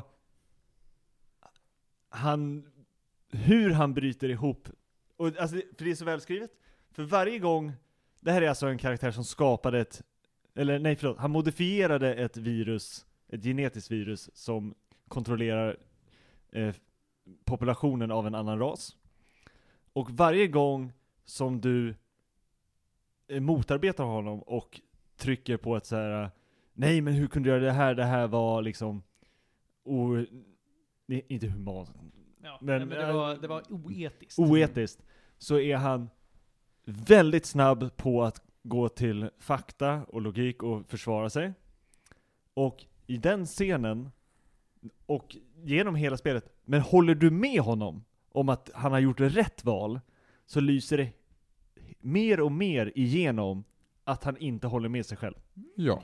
Coolt. Och Ja. det är, så bra writing. ja, och det är, jag inte ens och den scenen, och det är också så, på grund utav hur han pratar, för han säger väldigt sällan eh, aj. Alltså han, han använder väldigt sällan, pr- eh, vad heter det, Första form. Positioner. ja, Mm. första formen, eller han säger oftast bara saker runt omkring. Han varken Mm. tilltalar du, jag, ni, alltså, för han har väldigt konstigt, vad heter det, språk, eh, melodi. Men att höra honom skrika I was wrong är fantastiskt. Jag rekommenderar, om man har spelat det, att googla upp eh, Killing Modern Solus. Damn. Ja, I'm Warden Eller är- agreeing with Modern Solus kanske man kan ta. Ja, okej. eller något sånt där. Nej men alltså, För det är, det tror jag är den bästa scenen i hela spelet. hela den grejen. Hela den grejen med liksom att, att utforska moralen Mm. kring det kriget och vad som hände Mm. och Ja. hur de l- löste problemet. Ja. Eh, det är ju briljant. Mm. Eh, och så mångfacetterat. Alltså det är sånt, det är sånt bara Mass Effect har lyckats med. Mm. Typ. Ja. Det Ja, så- det. För, för att å ena sidan, så här, he is best boy, Ja. och för galaxen var det antagligen rätt. Ja. Men, men sen får man komma ner på planeten, och så får man träffa alla de här stora bufflarna. Ja, jo, men alltså, och det är som han säger, och det finns massa då han säger, nej men det var, det var så lätt att gömma sig bakom siffror och statistik. Ja. För han, han själv var ju så nej men jag tog några mission ner själv och jag skulle bara göra liksom avläsningen, för jag behövde se planeten. Ja. Jag behövde se det. Och han klarar på så här, hur hans liksom forskarteam som hjälpte honom ta fram det här, hur han inte gav dem tillräckligt stöd att hantera den här situationen och hur de gjorde det och ni, Jag ha, blir, ha, jag, blir lite, alltså jag blir lite rörd nu när vi pratar om det. För jag har, ni sett till, har ni sett till att plocka med honom som sidekick? Ja. På de missionsen? Jag har med honom så ofta jag bara kan. Jo men specifikt på de missionsen, Ja, så ska han med. För att det händer så mycket. ja. Han är inte en karaktär som har så mycket att tillföra i många andra missions. Nej. Alltså, Men har man honom på rätt missions, precis. till exempel eh, ja, du kommer inte komma ihåg vad han heter för du är så dålig på namn. Men när du, Men jag visste, jag har ju precis spelat klart det. ja, när du ska gå och träffa Okir, Mm. the warlord, Ja. Mm. då har han rätt mycket att säga. Ja det har han, han har mycket att säga.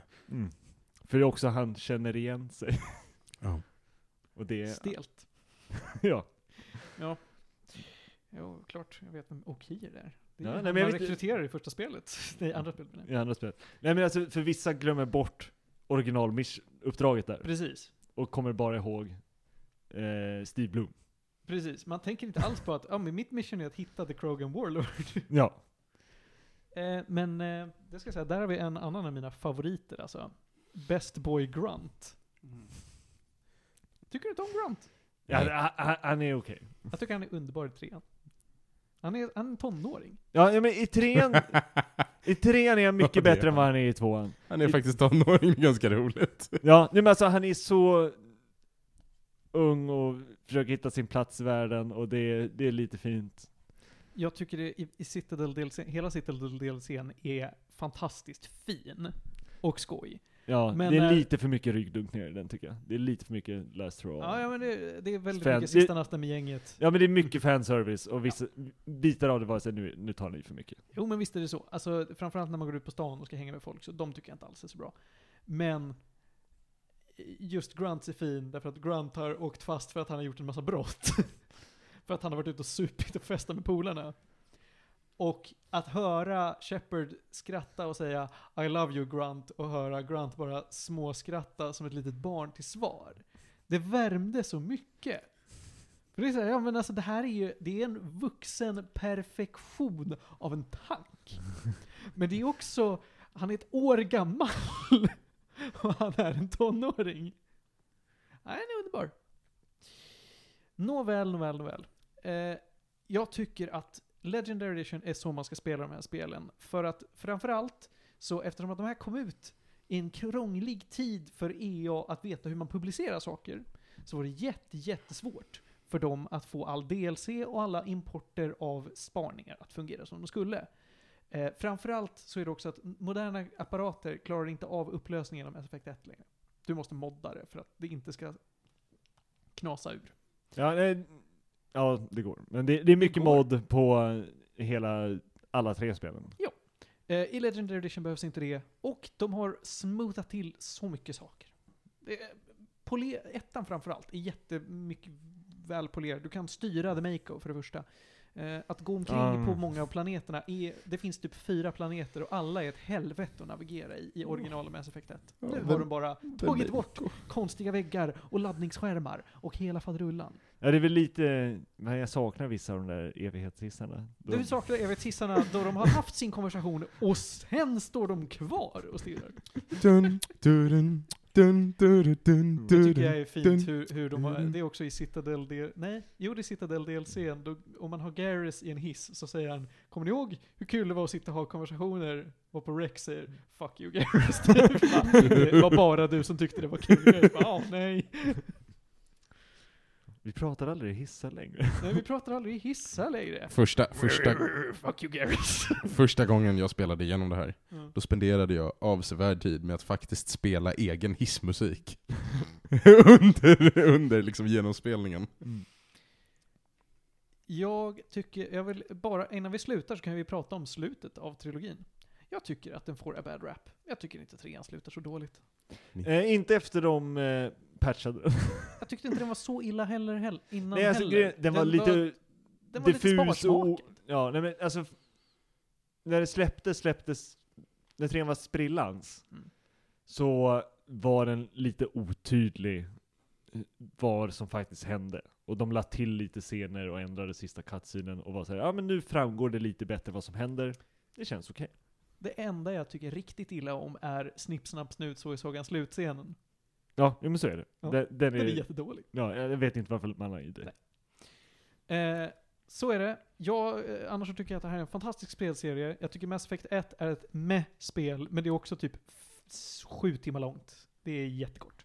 Eh, det kan vara ännu kortare ifall man inte åker runt på alla planeter, vilket jag gjorde. Mm. Tvåan är eh, Guds gåva till människan. Trean är det bästa mekaniskt. Mm, Men jag gillade hur de streamlinade saker i tvåan. Men det är smak. tvåan är det bästa spelet. Med hästlängder. Ja, Storymässigt. Men många tycker inte om att man har lite för lite val gameplaymässigt. Vadå? Jag har klarat det spelet med bara Shepard. Ja, det kan man göra. Det kan man göra. Du har val, folk bara gör inte de valen. Du kan ju välja vilka companions du får, det är ett val. Jag tycker också att det är ett problem att du har 12 companions i tvåan. Ja. Kazumi och, och Said är dåliga karaktärer. Nej. Jo, de är dåliga. De är dåliga. Kazumis quest är roligt. Ja, vi, vi, Det är allt. vi släpper det här. Vi, jag känner att vi har tappat lite energin i rummet. Då Jo. du och jag sitter och nördar oss lite. Så att vi går Johan har rast, somnat. så vi går rast Nej. vidare till Ja, jag, jag vill ge dig gäddor, Theo. Det ska vi alla gäddor. Så, då är vi klara. Okej. Klart! Ja, du har ju rätt. Jag ville ge dig alla gäddor. Då Ja. så. Jo men Mass Effect-trilogin i helhet. På alla Definitivt gäddor. alla gäddor. Ja. Ja. Okej. Hör ni det? Det här är första och sista alla gäddor-betyget! Ja. Nej nej nej, inte 10 av 10. Alla Alla Alla gäddor-betyget. gäddor. Ja. Ja, men i sådana fall så släpper vi Mass Effect och säger spela Legendary Edition finns på Steam. Eh, Origins och... Shut the fuck up. Men hallå, Or. Origin har ju officiellt dött. Mm. EA har gått över till sin nya plattform i live-utförande. Beta-versionen har jag testat, den har varit sjukt jävla knögglig. Men nu har de gått över till en liksom upp, alltså den faktiska färdiga versionen, och Origin ska dö. Och EAs nya app funkar. Oj. Den Oj. är typ trevlig. När, jag köpt, när jag skulle börja köra Mass Effect första gången via Origin, ehm, då laddade jag ner den om och om igen typ tio gånger. Den kraschade alltid. Jag gick in och gjorde alla fixes på forums, den kraschade alltid. Slutade med att jag köpte den en gång till på Steam, spelade den på Steam och manuellt överförde min save-file till Mass Effect 2 i Origin. För så dåligt är Origin. Mm. Nu, är, nu ska Origin dö. Visst är det skönt? Ja. Och vill man slippa alla de här problemen så kör man med Mass Effect Legendary Edition på Steam. Ja, det gör man. Man, det, det läggs ju fortfarande i Origin såklart. Men det kommer funka väldigt Men de har också tagit bort att du behöver ha Origins igång för att starta spelen. Eh, nej, den kommer fortfarande launcha Origin. Och sen så kommer Eller den kommer launcha EA, Ja. ja, EA's Ja, lilla EA Access. Ja, Ja. vad det nu än heter. Ja. Ja. Så är det. Men det var det, alla gäddor. Nu ska vi prata film. Och Panos, i tisdag så var du och jag och Emil och tittade på film. Ja. Vi var nog de sista i världen som såg Nope på bio. Ja, det var vi nog. Eh, det, var, det, var, det var en sån här härlig visning där det var du, jag, Emil och fyra pers till i salongen. Det var inte så många när jag kollade heller. Det säger kanske en del om filmen. Nej. Nej, hata inte! Nope är den senaste filmen från Jordan Peele, alltså komikern Jordan Peele från Key Peele. Som nu har bestämt Vem? sig för att han ska göra... Han, Jo- Jordan Peele. Jaha! Ja. Jordan Peele besk- eh, beskrivs som att han gör svart film som inte är svart film. Eh, Mm. han gör filmer med svarta skådisar i eh, stora roller som inte nödvändigtvis är filmer där det handlar om att vara svarta personer i stora roller. Mhm. Vad sa du precis? En Det- gång till? Är du snäll? Det är fokus, det, fin, det finns inget fokus på ras, men det, och det är inget tema heller, men det är, man, man, eh, han har gjort det valet att han ska göra filmer med svarta skådisar i stora roller. Men det är lite fokus på att de är svarta. Ja, jag tänkte säga, Alltså, nu har jag bara sett Get Get Out. Out. Mm. ja, har ni sett Det Get är, Out? det är Ja. hela fokusen. Oh, ja, visst. Ja. Även om det börjar som att det inte skulle vara det och blir väldigt snabbt. Nope har också fokus på det. Är det fokus på det verkligen? Alltså fokus i Nope är på väldigt många saker, men en av de grejerna är att de är svarta, att de var bland de första som jobbade med hästar i Hollywood och att de inte alltid får that credit. Jag tycker inte att det är ett fokus. Det, Det är, är en inte detalj. fokus. Det Nej. är en detalj, det finns. I alla filmer. Jag tror att det Keith David är med. Keith David är med. Det är, jag skulle komma till det, men du, var- you beat me to the punch. Han fick en mycket är mindre roll än vad jag önskade. Men det är också med han uh, Jung, eh, Steven Yeun. exakt. För att han spelade, eller han var i sitcom-serien. Och då liksom var the funny thing att oh, det är en asian kid i en vit familj. Det är lika roligt som att de har en apa i familjen. Och det kommer tillbaka lite då och då. Så är det ju faktiskt. Ja. Ja. Eh, den här filmen är en eh, Alien-film höll jag på att säga. Nej men det handlar om utomjordingar. Eh, det är en thriller, mer än vad det är en skräckfilm. Get Out är också thriller mer än vad det är en skräckfilm. Ass har jag för mig ska vara mer av en skräckfilm än en thriller. Men jag har inte sett Ass tyvärr. Jag ville hinna med det, men den ligger inte på någon bra streamingtjänst. Tyvärr. Eh, den handlar om OJ och M. Två syskon som har en hästranch där de har jobbat med att eh, träna hästar för att vara med i film. Eh, deras pappa dör av- i en mystisk olycka där massa metallföremål ramlar ner från skyn. Från ett flygplan Från sägs ett flygplan sägs det, och det tror inte OJ på. Eh, det. Eh, Ja.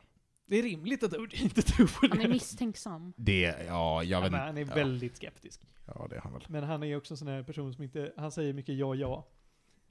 Eh, och det börjar hända konstiga saker kring deras ranch. Det är väl vad man behöver säga om storyn. I princip. I princip. Det är i Mm. princip det som spelar roll. Mm. Ehm, jag tänker att vi ska spoila den här, Jag tänker också det, annars går det inte att snacka om för den är fucking klar. Kör hårt. Vi kan spoila här. Tre, två, ett. Det är en bibliskt korrekt ängel, ett paraply, en, en hatt, Ett hål. ett hår. Nej men alltså det är en molnsvamp.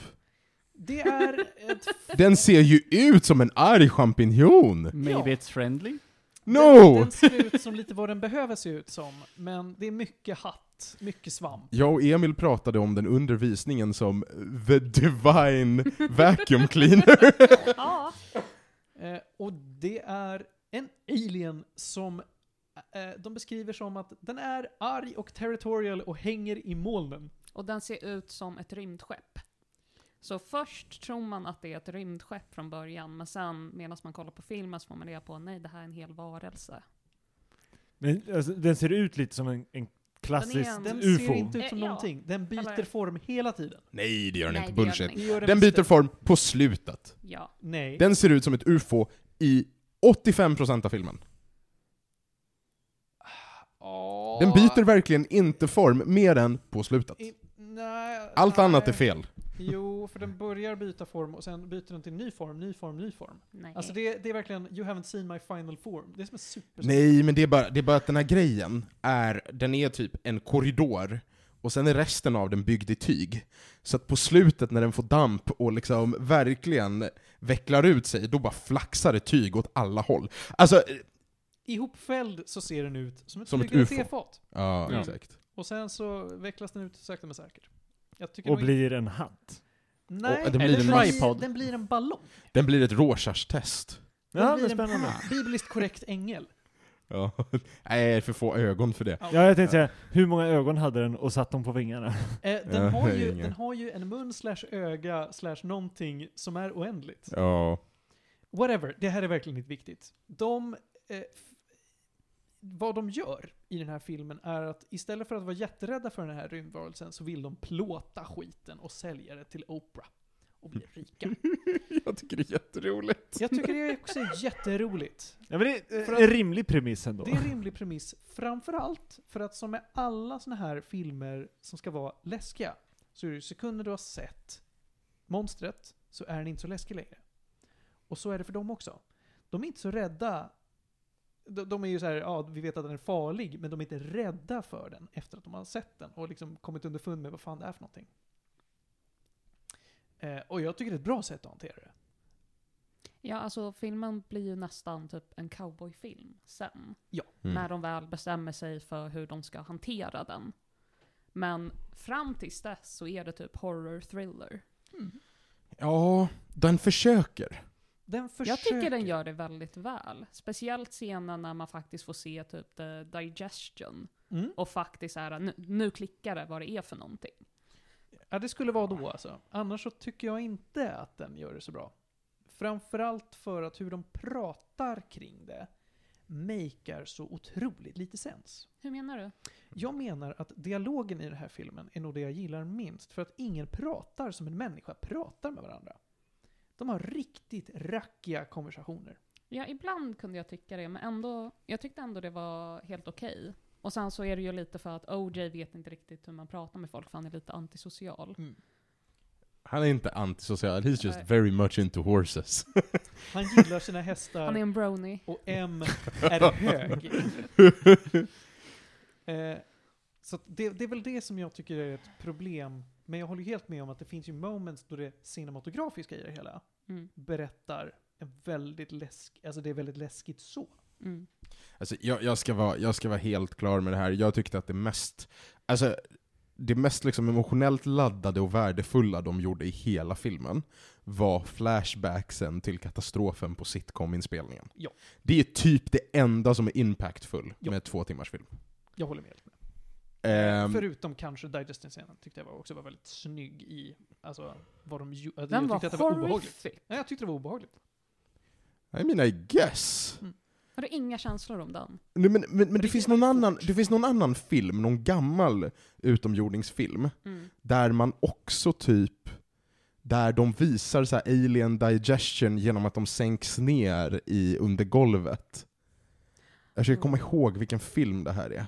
Och sen blir allt rosa. Det tyckte jag var mycket, mycket värre än det här. I don't know. Jag vet inte exakt vad du pratar om tyvärr. Jag ska återkomma. Ja. Mm. Men, men annars håller jag med dig.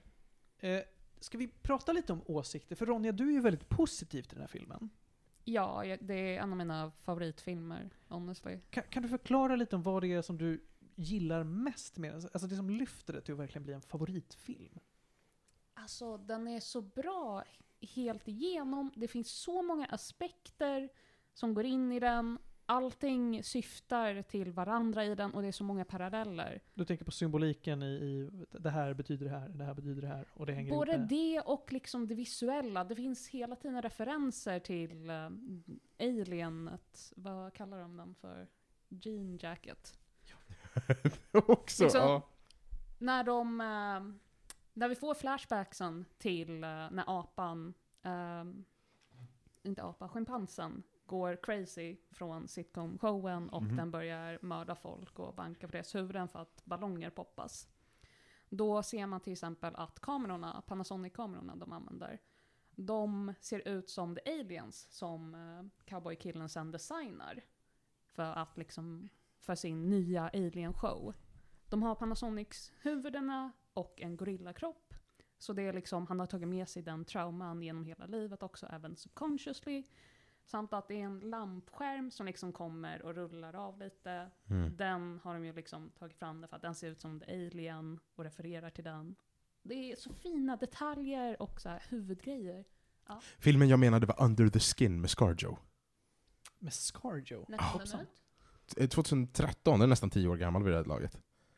Hon är en utomjording som, som, ät, som, tar, som tar folks, alltså harvestar folks kroppar. Mm. Och istället för att visa något så super, alltså, så, så är hela den här utomjordingsgrejen, då är det bara, det är bara totalt mörker. Mm. Och, vitt, och, och offren bara sjunker ner under marken. Alltså den är, ja den är, så, så att ja, nej. Mm, mm, Mm.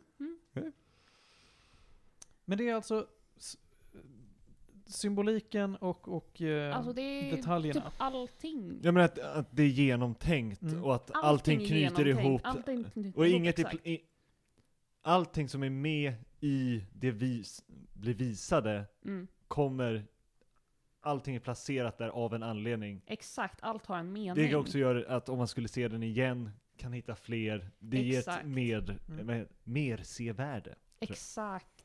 Det är därför jag, vi såg den två gånger också. Har du sett den två Eh. gånger? Ja, en gång såg vi den hemma. Jesus. Och då satt jag och typ pressade upp mig mot väggen för att det var jätteläskigt.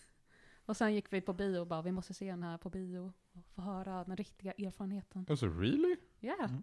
Shit pommes frites. Alltså, I jag har, sett, really liked it. jag har sett två Jordan okej. Peele-filmer hittills. Ja. Get Out, en film jag aldrig kommer se igen, Mm. för den var så creepy. Nej men alltså, Ja. så här, den gjorde det den skulle göra mot mig, Ja. jag vill aldrig mer. ja. Den här filmen, också en film jag aldrig kommer se igen. För 95 kronor för en biobiljett var antagligen lite för mycket. Alltså, jo, jo. Jordan Peele, Jordan Peele har två av två gånger lyckats ge mig film jag aldrig kommer se om. Men alltså den här hade så himla mycket som den gav också av att se den igen. Det var verkligen genomtänkt på flera sätt och typ bara The Alien, när den vecklade ut sig också, då representerade den ju också en kamera. Och det Ja. var liksom... Jo men, jag köper det du säger. Okej. Jag köper Det- detaljerna. Det är bara att så här, it's gonna be art, eller så ska det vara en skräckfilm. Ja, alltså den, Båda. tapp, den tappar ju skräckfilmsaspekten efter Ja. halva filmen. Det köper jag. Ja. Men jag är okej med det, för jag tycker det är en bra film. Jag tänker på det Mm. på det sättet. Om, det, om man tänker på det som en skräckfilm, då kanske det inte är så okej. Men I guess. Än en gång, Ronja, så, så du, ja, men du lyckas så väl med det här. Det sa vi innan programmet Ronja, att jag håller sällan med dig, men jag förstår ofta ditt argument när du väl presenterar. Än en gång, så jag köper att du gillar den här. mm. Jag köper det verkligen. Eh, du, har, du, du har fått mig att förstå varför du tycker om den. Jag håller ju inte alls med, men, men ändå. Ja, men alltså, du har ju fått mig att vilja gå och se den. Yes! För jag väljer oftast bort skräckfilmer. Get Out såg jag för att jag var så ah, nej men det här, alla säger ny- nyskapande, nytänkt. Mm. Och jag satt och var obekväm hela filmen och var lite så här. också för att jag hade från kontext klurat ut ungefär vad som skulle hända, så jag satt och bara väntade på det så här. Ja. när smäller det? Är det någon nackdel att jag har googlat fram en bild på den här Nej. Nej. Nej. orkidémonstret? Nej, det Nej. är det inte. Alltså den, den, eh, Ja, men, alltså, efter att ha sett en bild på den, så är den bästa beskrivningen är ju en lätt genomskinlig orkidé. Alltså typ. Men, men, men så här, grejen, är, grejen är att det den också saknade för mig, Mm. för att em, är det en skräckfilm där det är något mystiskt, Mm. då är jag okej med att få så här lite exposition. Men eftersom det är en alien movie, Mm. Ehm, och man, man liksom, det slutar med att man på sätt och vis erövrar den. Och de tar hela den här, alltså hela den här approachen att åh, men det är ett djur, it's territorial. Alltså så här, vi måste be bemöta den rimligt. Alltså för att, för att är det... Det handlar om respekt. Nej, är det så här, nu är pratar det... om symbolik igen. Kolla, Ja. är, är the scary shit is magical, då behöver det inte finnas någon logik. Mm. Men det här är inte the scary shit is magical, det här är den följer ett system vi känner till. Mm. Och då är jag så här, innan filmen är över, då vill jag li veta lite mer om den. Än Alltså- vad de gav mig. De har ju en, ehm, en extra scen som man kan eh, kolla upp. Och då är det typ att de gör en scientific paper på den tillsammans med någon scientist och grejer. Ursäkta? Ja, du kan kolla upp det om du vill. Vad är det här? Är det här typ det som... v- Var det här... Jag tror det kommer komma med i så här DVDn kanske, efter texten eller Ja, men vi måste köpa DVD. Nej, jag är helt okej med att inte det göra finns det. på YouTube. Nej, men- Kingsglaive. Ja, Kingsglaive, exakt. Nej men jag var också så här. det var också så här, filmen tar slut, Ja. eftertexterna börjar rulla, Mm. på grund av allt Marvel-piskande alla fått de senaste tio åren. Så Så sitter folk kvar i salongen. Jag, Martin, Emil kollar alla på varandra och bara "Hä, nej, nope! Och så går vi! För, That's name of the movie! för sa du? Yeah I know. För att det var verkligen så här. säger det jätteofta i filmen! För att det, ja men jag älskar när han låser dörren på trucken och så bara nope. Det, det är det enda gången jag tycker det är rättfärdigat. För det är väldigt många gånger som folk går och bara muttrar nope. Men det är i bilen som jag tycker det passar. Det var jättebra. What are we, some kind of suicide squad? Nej men, och så, var, och så var det verkligen så här. Det kan finnas post credit scenes här, jag är inte intresserad, I'm out. That's fine. Jag var ointresserad av lite andra anledningar. Om det förklarade jag tidigare att jag tycker att den här filmen saknar manus. Jag tycker manuset är kast. Ja, Men de försöker sig på lite Quentin, alltså Tarantino-sväng i det, och det går inte. Det, det går inte hem. Man kan inte kö- köpa mig på bara bildspråk och vacker symbolik. Eh, jag, jag accepterar det som en, en eh, grej som är väldigt snygg, eh, och det är säkert välgjort, jag litar på dig Ronja. Vill du ha, vad är det, Marvel one- one-liners eller? Nej, nej, det behöver jag verkligen Jag inte. skojar. Jag behöver ett, ett, framförallt inte i en skräckfilm, vill jag inte ha en jävla Marvel-manus. Nej, utan då vill jag snarare ha, om, om det ska vara en ordentlig thriller så vill jag ha Get Out-manuset. För Get Out funkade för att karaktärerna kunde säga saker som var helt normala och ändå få det att låta väldigt obehagligt. Allt som sades i den filmen gav mig obehagliga känslor kring vad det egentligen är som försiggår. Och jag hade nog velat ha samma känsla kring det mystiska i den här filmen. Jag ville ha den dialogen som behövdes. Och det funkar liksom inte i den här. För att de pratar på ett helt annat sätt. Det är en helt annan typ av thriller Men det är ju också, det är inte lika många karaktärer heller. i den här. Ja, eller i Nope. Det är typ Nej. tre eller fyra Ja, karaktärer, precis. samt att OJ inte pratar så himla mycket av sig. Precis, och då har de gärna fått ha lite mer dialog för att kunna flasha ut de här karaktärerna. Jag, tyckte att det var tillräckligt. Kameramannen Mm. kunde jag bara plockat ut ur den här filmen. Ja, han passade var- inte alls, det är det jag hatar mest med Fuck filmen. that guy alltså. Ja, men han, han var typ inte en actor heller på sättet han snackade. Det köpte man inte alls. Han är bara pretentiös. Om det fanns symbolik i honom så är det så pretentiöst. Mm. And I don't like it. Men, men ja, att, att manuset och att storyn progressade i takt med varandra som de gjorde, gjorde att jag tyckte inte om den. Alltså, jag tyckte ju, det är svårt att säga att det var en dålig film. Det var det ju men inte. dålig film Nej, är det Det inte. är Det är en inte en dålig film. Den är välgjord, den är välspelad, men den är dåligt skriven. Nej men Nej. jag kan, jag kan är rekommendera inte den här alls. på, vill du se något snyggt? Mer än så kan inte jag rekommendera den på. Men jag håller med. Men jag det är vet inte så om jag, mycket re- jag vet inte ens om jag tankar bakom rekommenderar allting den. också, och det handlar om så många olika grejer. Gör det verkligen det? Ja! Handlar det verkligen om så många olika grejer? Jag vet inte, Ronja, den handlar kanske inte om så många olika grejer, men det finns väldigt mycket Den att plocka gör det. ut. Ja, men du kan se mönster, du kan se symbolik, men det betyder inte att det handlar om det. Jo, Handling. Men det handlar om en alien, ja. Det handlar om hur den, ehm, de måste respektera den eller lära sig hur man ska hantera den. Det handlar om hur djur och eh, människor, barn actors och people of colors blir uh, misused or mistreated i Hollywood. Och eh, hur folk måste så här, sträva eller försöka make a quick buck. Det är också så här, typ tio till saker som kan vara svårt att plocka upp. Liksom, det handlar om väldigt mycket. Men Jag vet inte om alla grejerna du rabblar nu är handling. Nej, jag har också, det, det jag vill, det, Mening. det, det jag vill Ja. säga, det jag vill säga, den innehåller allt det där, Mm. men du kan plocka ut tre fjärdedelar av det och det skulle inte påverka filmen på något sätt. Så att, så att det är också så här, det, att, att med mening infoga symbolik Mm. gör inte det automatiskt i handling, där står jag bakom Martin. Mm. Och, och absolut, den innehåller jättemycket nyans, för att, för att Jordan Peele gör inte tråkig film. Alltså det, det är ju, så är det bara. Mm. Ehm, m- men den är framförallt snygg. Ja, den är jättesnygg. Den är ju skitsnygg! Ja, ja, ja. Of course. Jag, jag gillade, Det bara, jag, Den är mer än det också. jag gillar Den hela den här, jag gillar hela den här grejen med hur de, alltså så här, ni kanske inte gillar han kameramannen som bara kommer in. Men jag gillar den här grejen när han rullar in och bara det där molnet har inte rört sig va? Och så så här, man- jag var så här, jag, alltså det var precis, där och då var det det jag behövde av den här filmen. Ja. Men så här kommer in- så dåligt. Ser ut som Torsten Flink, pratar som Torsten Flink. Är lite Torsten Flink. Och snurrar på sin jävla kamera, säger lite deep shit och dör. Har han varit med i Malou? ah, ja. Nej men, ehm, vi, jag, tror, jag tror faktiskt vi kan Ja, vi kan sätta gädda på det Ja, nu. det kan men vi. men jag tror att vi har gjort det väldigt tydligt var vi står i den här. Och framförallt vem som borde se den. Theo, tycker du att du borde se den? Ja, jag tror jag lutar fortfarande mot att jag kommer se den. Mm. Jag tror att jag kommer gå ur biografen med ungefär samma känsla som vi hade när vi lämnade min pappa Erland. Tony Edman. Tony Edman heter han. Min pappa Erland. Är det här en film man bör eh, ta med sig lite alkohol för att uh, avnjuta? Nej, nej, Nej, nej, nej. nej, Nej.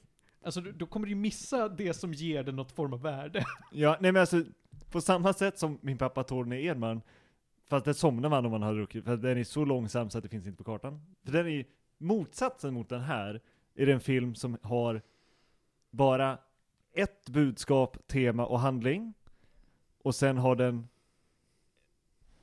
den är bara jättelångsam.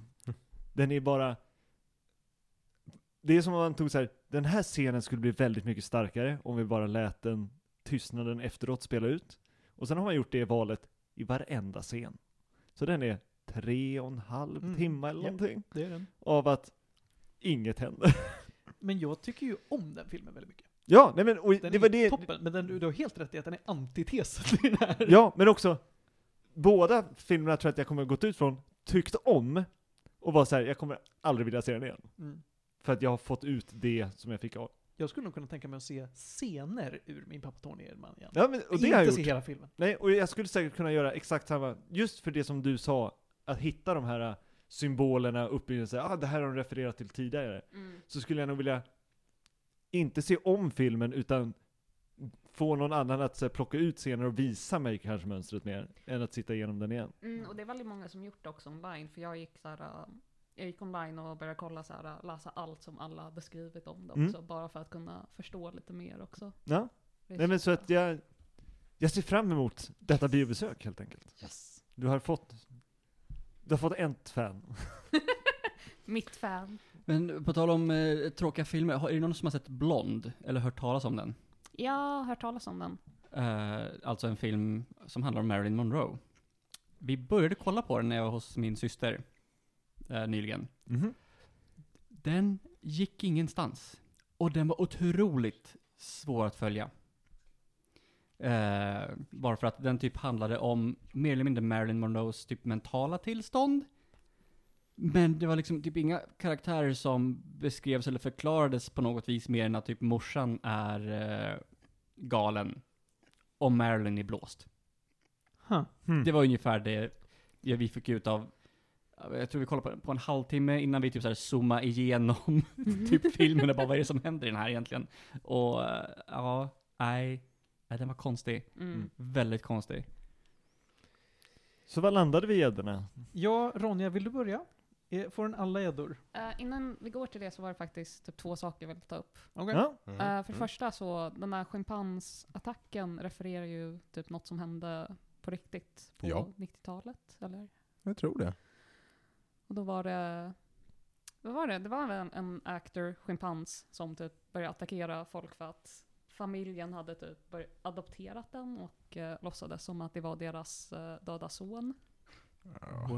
Det var inget bra i alla fall. Det var inget bra. Stelt. Han bara, Det var och Travis. De, eh, ja, Travis the Chimp. Shit, det här var ju faktiskt på nolltalet. Holy fuck. Ja, okej. ja. Mm. Och hon som var med i showen i filmen, hon har typ ett så här, en slöja över Mm. ansiktet. Och det refererar en intervju med kvinnan som blev attackerad i verkligheten av den här apan.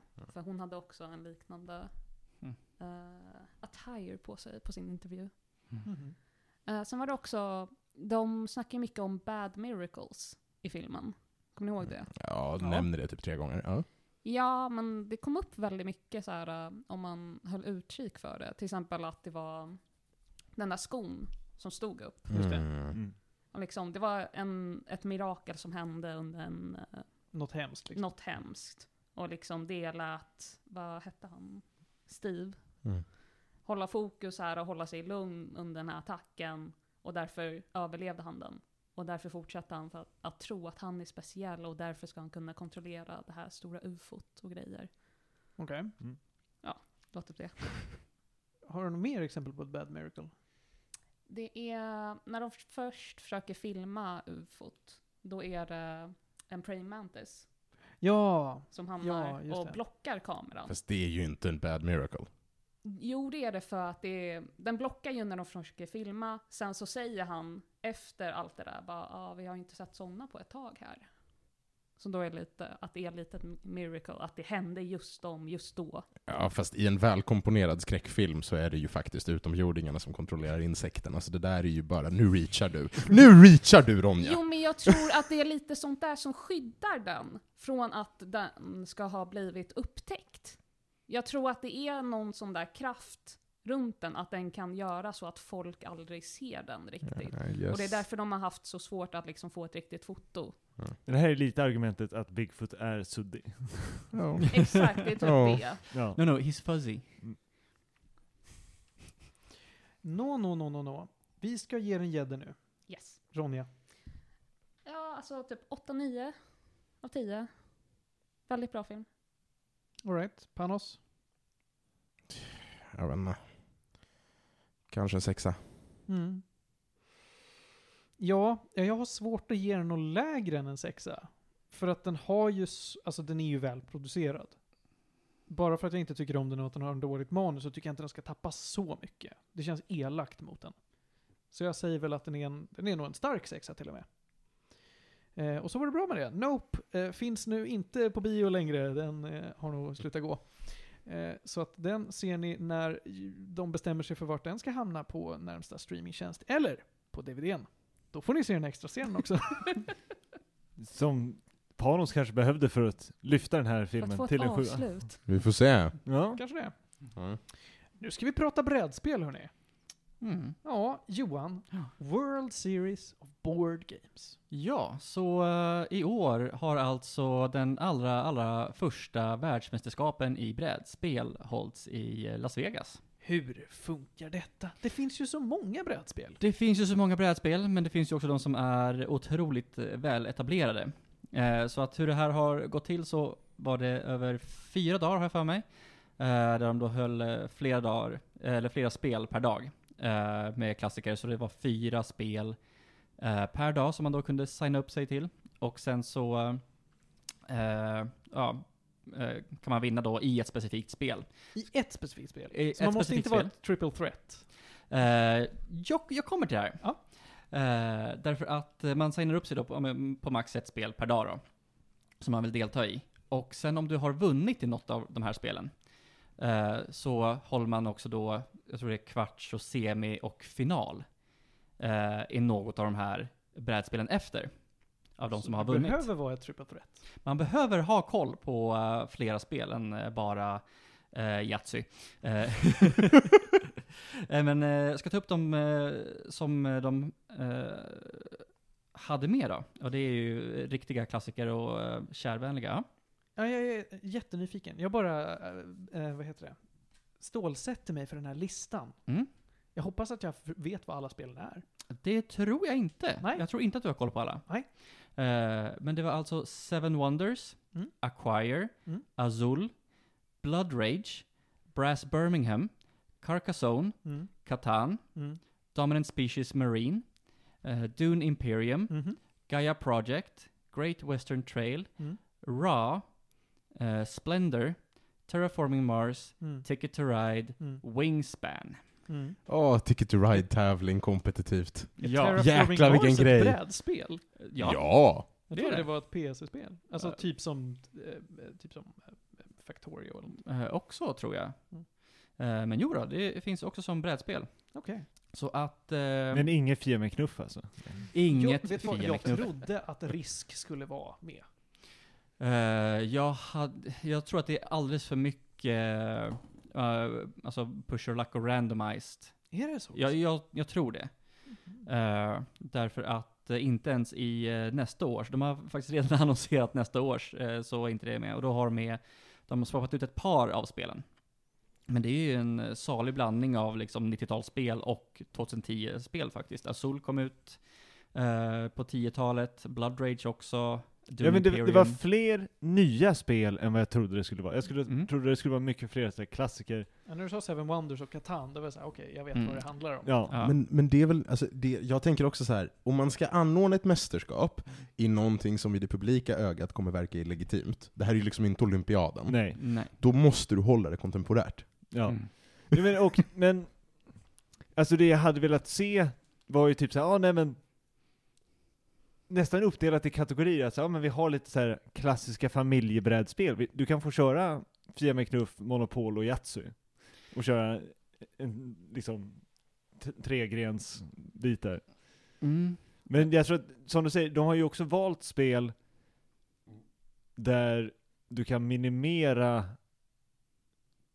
alla liksom random elements, om man kan säga. Alltså alla Mm. slumpmässiga val och du kan planera runt eh, tärningskasten mer, då Mm. det är en tärning inblandat. Mm. För det är ju, Cluedo hade jag också velat se. Kompetitiv Cluedo. Ja, Mm. Kanske näst, nästa år. ja. Jag vill ju se den som vinner kompetitiv Cluedo på att bara ta den lilla chansningen och bara dra tre stycken. För det kan du göra.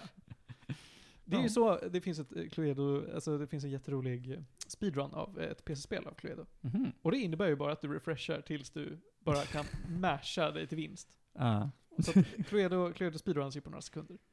Kul. Men den som gör det ett år och bara, bra, nu har vi laddat upp för två timmar Cluedo. Pastor Grön, Matsalen, Ljusstaken. Det var rätt! vi går vidare till, om två timmar, är risk. Oh god. Eh, nej men precis, så det är ju en salig blandning egentligen av uh, ja, men deckbuilding, worker placements, Eurogames. Så att eh, det är ju verkligen olika sorters spel som man testas i. Men jag måste ändå få veta lite mer om hur tävlingen ser ut. Mm. Hur du kvalar in, hur du kommer in till nästa steg. I, så här, ja, vet man på förhand vilka nivåer de här spelen ligger i? Eller slumpas de fram mellan omgångarna? Vet nej men alltså, finalen är i Wingspan? Jag tror du föranmälde sig va? Jag tittade Ja. lite snabbt och det var ju 40 000 dollar i prispotten. ja. Spritt över, alltså det var inte så här första pris tar allt, utan det var spritt över kategorierna. Mm. Jag misstänker det är väl någon sån här 70, vad blir det, 70, 20, 10 eller något sånt Mm. kanske.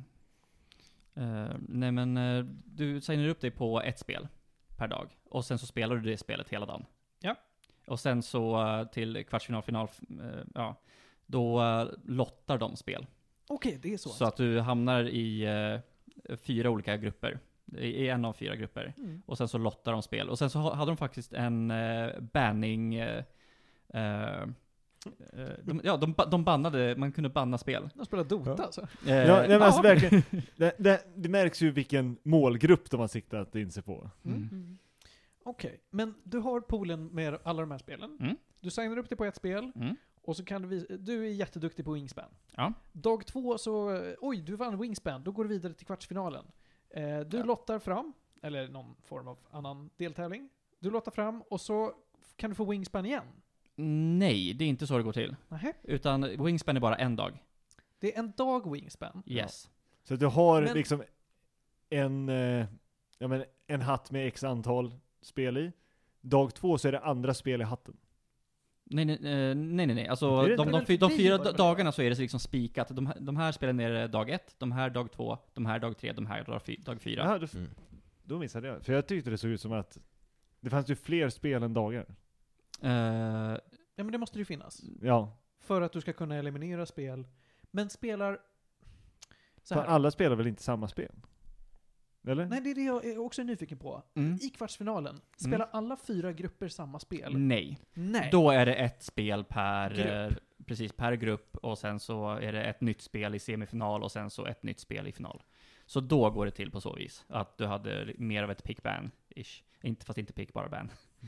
Nej, jag men, men annars så signar du upp dig för att, eh, eh, ja men liksom på det, ja men basically ditt favoritspel som du känner att, men det här är jag bra Ja, på. men det kvalar du in på liksom. Ja, Ja. Precis. Och alla vinnare av eh, del, eh, delspel då, eh, vann också en ring. Okej. Haha! Det är Mhm. nice. Men, men det betyder att du kvalar in på ett spel, Ja, och den poolen med spel används inte sen. precis. Okej. Ja, nej men det makar sense. Så Mm. man vet vilka spel man kommer behöva spela för att vinna. Alltså vilka, vilka du behöver bemästra liksom. Mm. Eh, ja, mm, good to know. Kommer det en lykta med ringen? Eh, du kan titta på den här uppe när, när jag scrollat, ska se. Vill du vara Eh, Green svaret är Lantern? nej. Okej, hörni. Det här är mycket bättre än KTH-ringen, så det är så. Får se på den då. Är Green Lantern Den kostar också mer. Wow. en KTH-ringen? Ja. Men det här ser ut som en typ Super Bowl-ring också, Ja. så, så jävla amerikanskt. Ja, Ja. jävlar vad Det är ju Las Vegas de är i. Men jag gillar klackringar, det är trevligt. Jag tycker ändå att det, good. det är Mm. fint.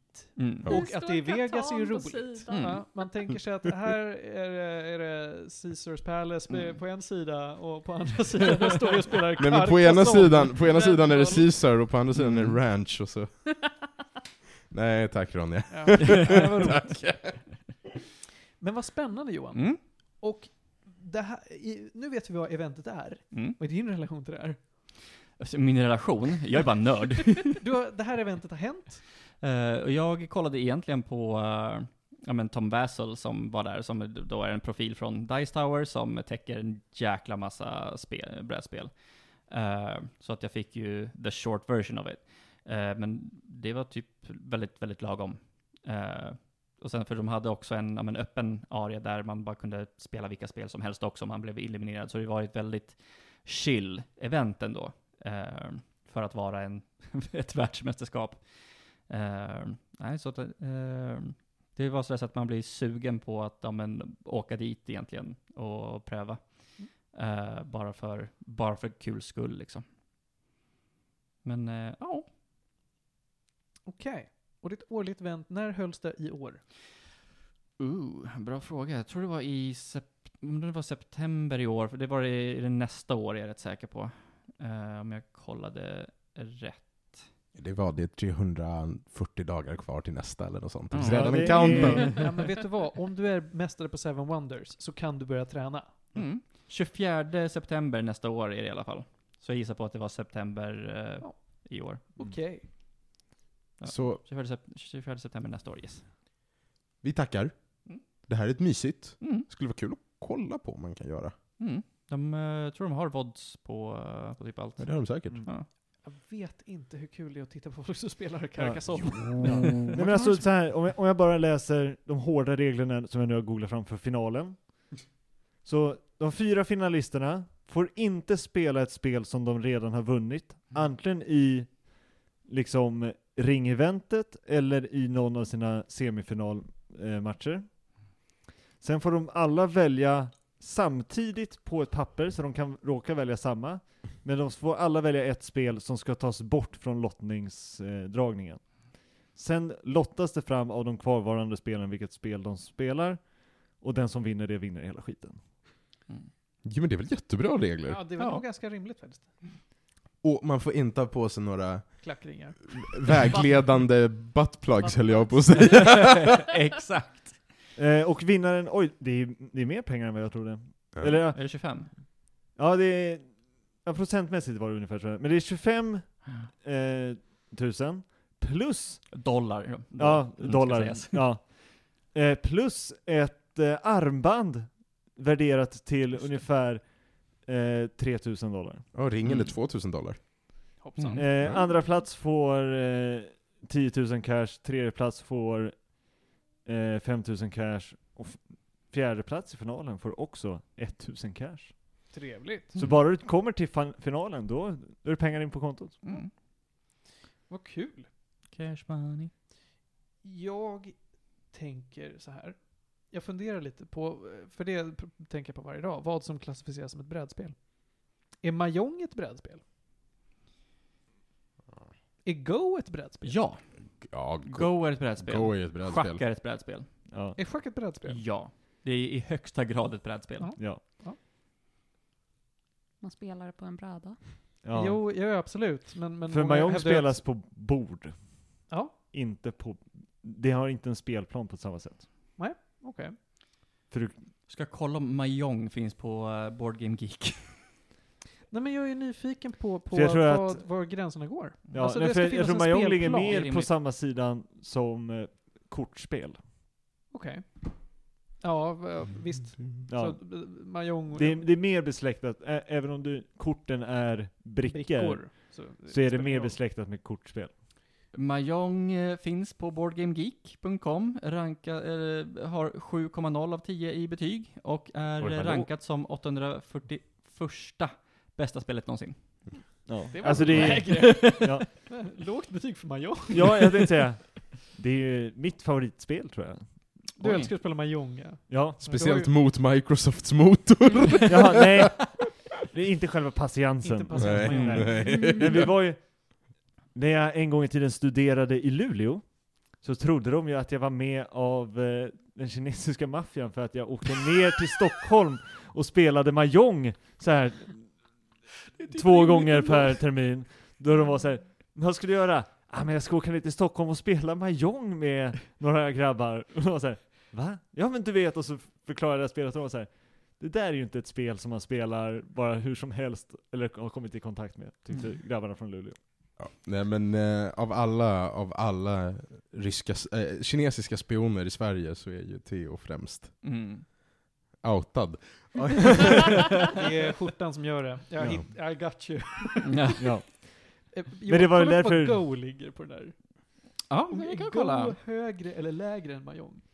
Det Eh, kan ha gått upp nu, för det fick ju väldigt mycket publicitet med den här eh, roboten som var Mm. himla bra på det. Ja men precis. Det ligger högre. Det har fått i betyg 7,6 och är 189 bästa overall. Jävlar! 180. Det Vad är, har Chinese checker? Det är ju också ett av våra äldsta, du vet, strategiska brädspel. Go Mm. ja. Ja. ja. Punkt. Jo, ja, men det är därför jag är Chinese checkers ligger väldigt dåligt till. Nej! 5,2 i betyg och eh, 23 133 Ja. Och genom det jag spelade hemma. Ja. Mm. Jag tror att Mahjong kan ligga rätt lågt också för att det finns väldigt många olika regler beroende på vilken Mm. Alltså det är lite som att spela poker, ja men vi spelar Holden, vi spelar femkorts med Mm. dra två, dra ett, Mm. frikort och allt sånt där. Mahjong har lite samma problem. Men eh, någon gång har jag ju spelat en hand då man plockar plommonblomman från taket. Mm. Det jag kommer inte ihåg vad det heter på kinesiska, men alltså det finns ju några så konstiga specialhänder då det så här, du hade bara väldigt mycket tur och verkligen tokvann. Det är en skam för den asiatiska maffian. Eh, Om man vinner, nej, nej, du är bra. nej, nej, men alltså om man vinner och gör en Man sån... kommer inte ihåg hur det Ja, nej, att jag inte kommer ihåg eh, Hur du namnet. på den. blomman. Ja, exakt. Hörrni, under tiden som vi har spelat in det här avsnittet så har nyheten kommit att eh, Robbie Coltrane har dött. Oj. Oj då. Eh, var med i Blackadder, var med eh, i två James Bond-filmer och spelade den väl älskade jätten Hagrid i Harry Potter. Åh nej. Där, Mm. där landade det. Ja. Ehm, ja. Han var bara 72. Oj. Sam Young som Lale sa. But everyone also knows att Harry Potter nu är anathema på grund av hur J.K. Rowling beter sig, så att... Japp. Ja. Mm.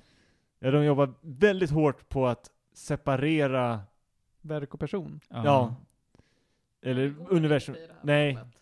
Fast problemet med att separera verk och person, när det kommer till J.K. Rowling, är att J.K. Rowling fortsätter få pengar av verket. Ja, Ja. Kinda bad. ja. Men för Wa- Warner Brothers är väldigt tydliga såhär, nej men det är liksom the wizard, wizarding world nu. Harry Potter ska vi helst inte ens säga. Och vi liksom, vi vill ha kvar universumet att jobba med. Men du får gärna hålla käften och vara borta i ditt fina hus och få dina pengar bara. Mm. Det hjälper inte helst inte jättemycket. få pengar. Nej, eh, de vet ju att de måste betala henne, så de, Ja. de hade säkert velat behålla alla pengar också. Men jag tror inte kontrakten är skrivna så. Mm. Mm. Då hade hon gjort bort sig. Mm. Ja. Nej men det... Mm. Det är lite tråkigt. Jag Ja. gillade, Hagrid var... Hagrid är den rakt igenom mest sympatiska karaktären. Mm. Ja, Genom hela verket. Och Robbie Coltrane spelade honom väldigt väl. Väldigt Ja. mysig. Men PS1 Hagrid då. Ja, du menar Five polygon. Polygon, Five Polygon Hagrid. Ja, nej men... ehm, dags för tre snabba. Det stämmer. Den här veckan har vi tre roliga snabba. Först Mm. och främst så är det att eh, Dodie Clark har, köpt, eh, har släppt ett nytt album. Hot Mess heter det. Eh, sk- skulle snarare vara en EP. Fyra låtar, är riktigt bra skit alltså. Eh, sen så har vi eh, jag och, vem fan var det? Var det jag själv? Nej. Jag kommer inte ihåg vem som var Me, så myself and I. Eh, jag var och såg Top Gun Maverick på bio. Var inte du med, var inte du med din tjej och kollade? Ah, ja, ja. Mm. Oavsett vem jag var och såg den med. Jag tycker att Top Gun är en skittråkig film. Top Gun Maverick är bland det bästa jag sett på bio i år alltså. Det är, den var otroligt spännande. Det är också otroligt lustigt hur mycket Tom Cruise har sålt sin själ till djävulen för att se så snygg ut. Alla de supporting actors som han har spelat mot i gamla Top Gun, ser, ju- alltså de håller ju på att dö nu för de ser så gamla och sletna ut. Och han går runt och bara, alltså jag mår så bra. så det rekommenderar jag starkt. Top Gun Maverick. Och sen, det här hade jag velat lägga mer tid på, men det kommer vi inte. Eh, jag har spelat den trevliga dating-simulatorn Dream Daddy. Oh! Ooh. Den... Äh, den, den tål att pratas mer om, men det är också, det är fucking Dream Daddy, varför ska vi? Eh, det är inte ett mästerverk, men det är en kompetent dating-simulator om man köper den väldigt billigt. För vad det är. Det är bra skit. Ja. Smakfullt. Ja men och, om jag kom, nu var det väldigt länge sedan.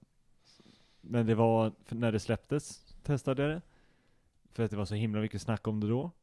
Och det löser genom att det var gjort med hjärtat. Alltså det var mycket glädje och värme i konstruktionen av spelet. Ja, det märks i produkten. Det är väldigt mycket glädje och värme i det också. Så det rekommenderar jag, och det var veckans tre snabba. Eh, vi tackar så hemskt mycket för att ni har lyssnat, hörrni. Vi har haft eh, fantastiska 99 avsnitt, och nu så jävla blir det avsnitt 100. Mer info kommer på vår Facebook-sida. Kolla där. Eh, Medis Radio heter vi där. Om ni har några eh, synpunkter på vilken eh, companion i Mass Effect som är bäst, då mejlar man det till medisradio.gmail.com. Eh, jag tackar Ronja så mycket för att du kom. Tack för mig. Theo, Ja, men jag roterar in på den här stolen lite då och då. du är så välkommen så. Eh, utom på torsdagar. Ja, nej, torsdagar är en dålig dag för mig. Johan Jupp, jupp, jupp. och Panos. Ja, tack. Och jag heter Martin och jag tackar mig själv.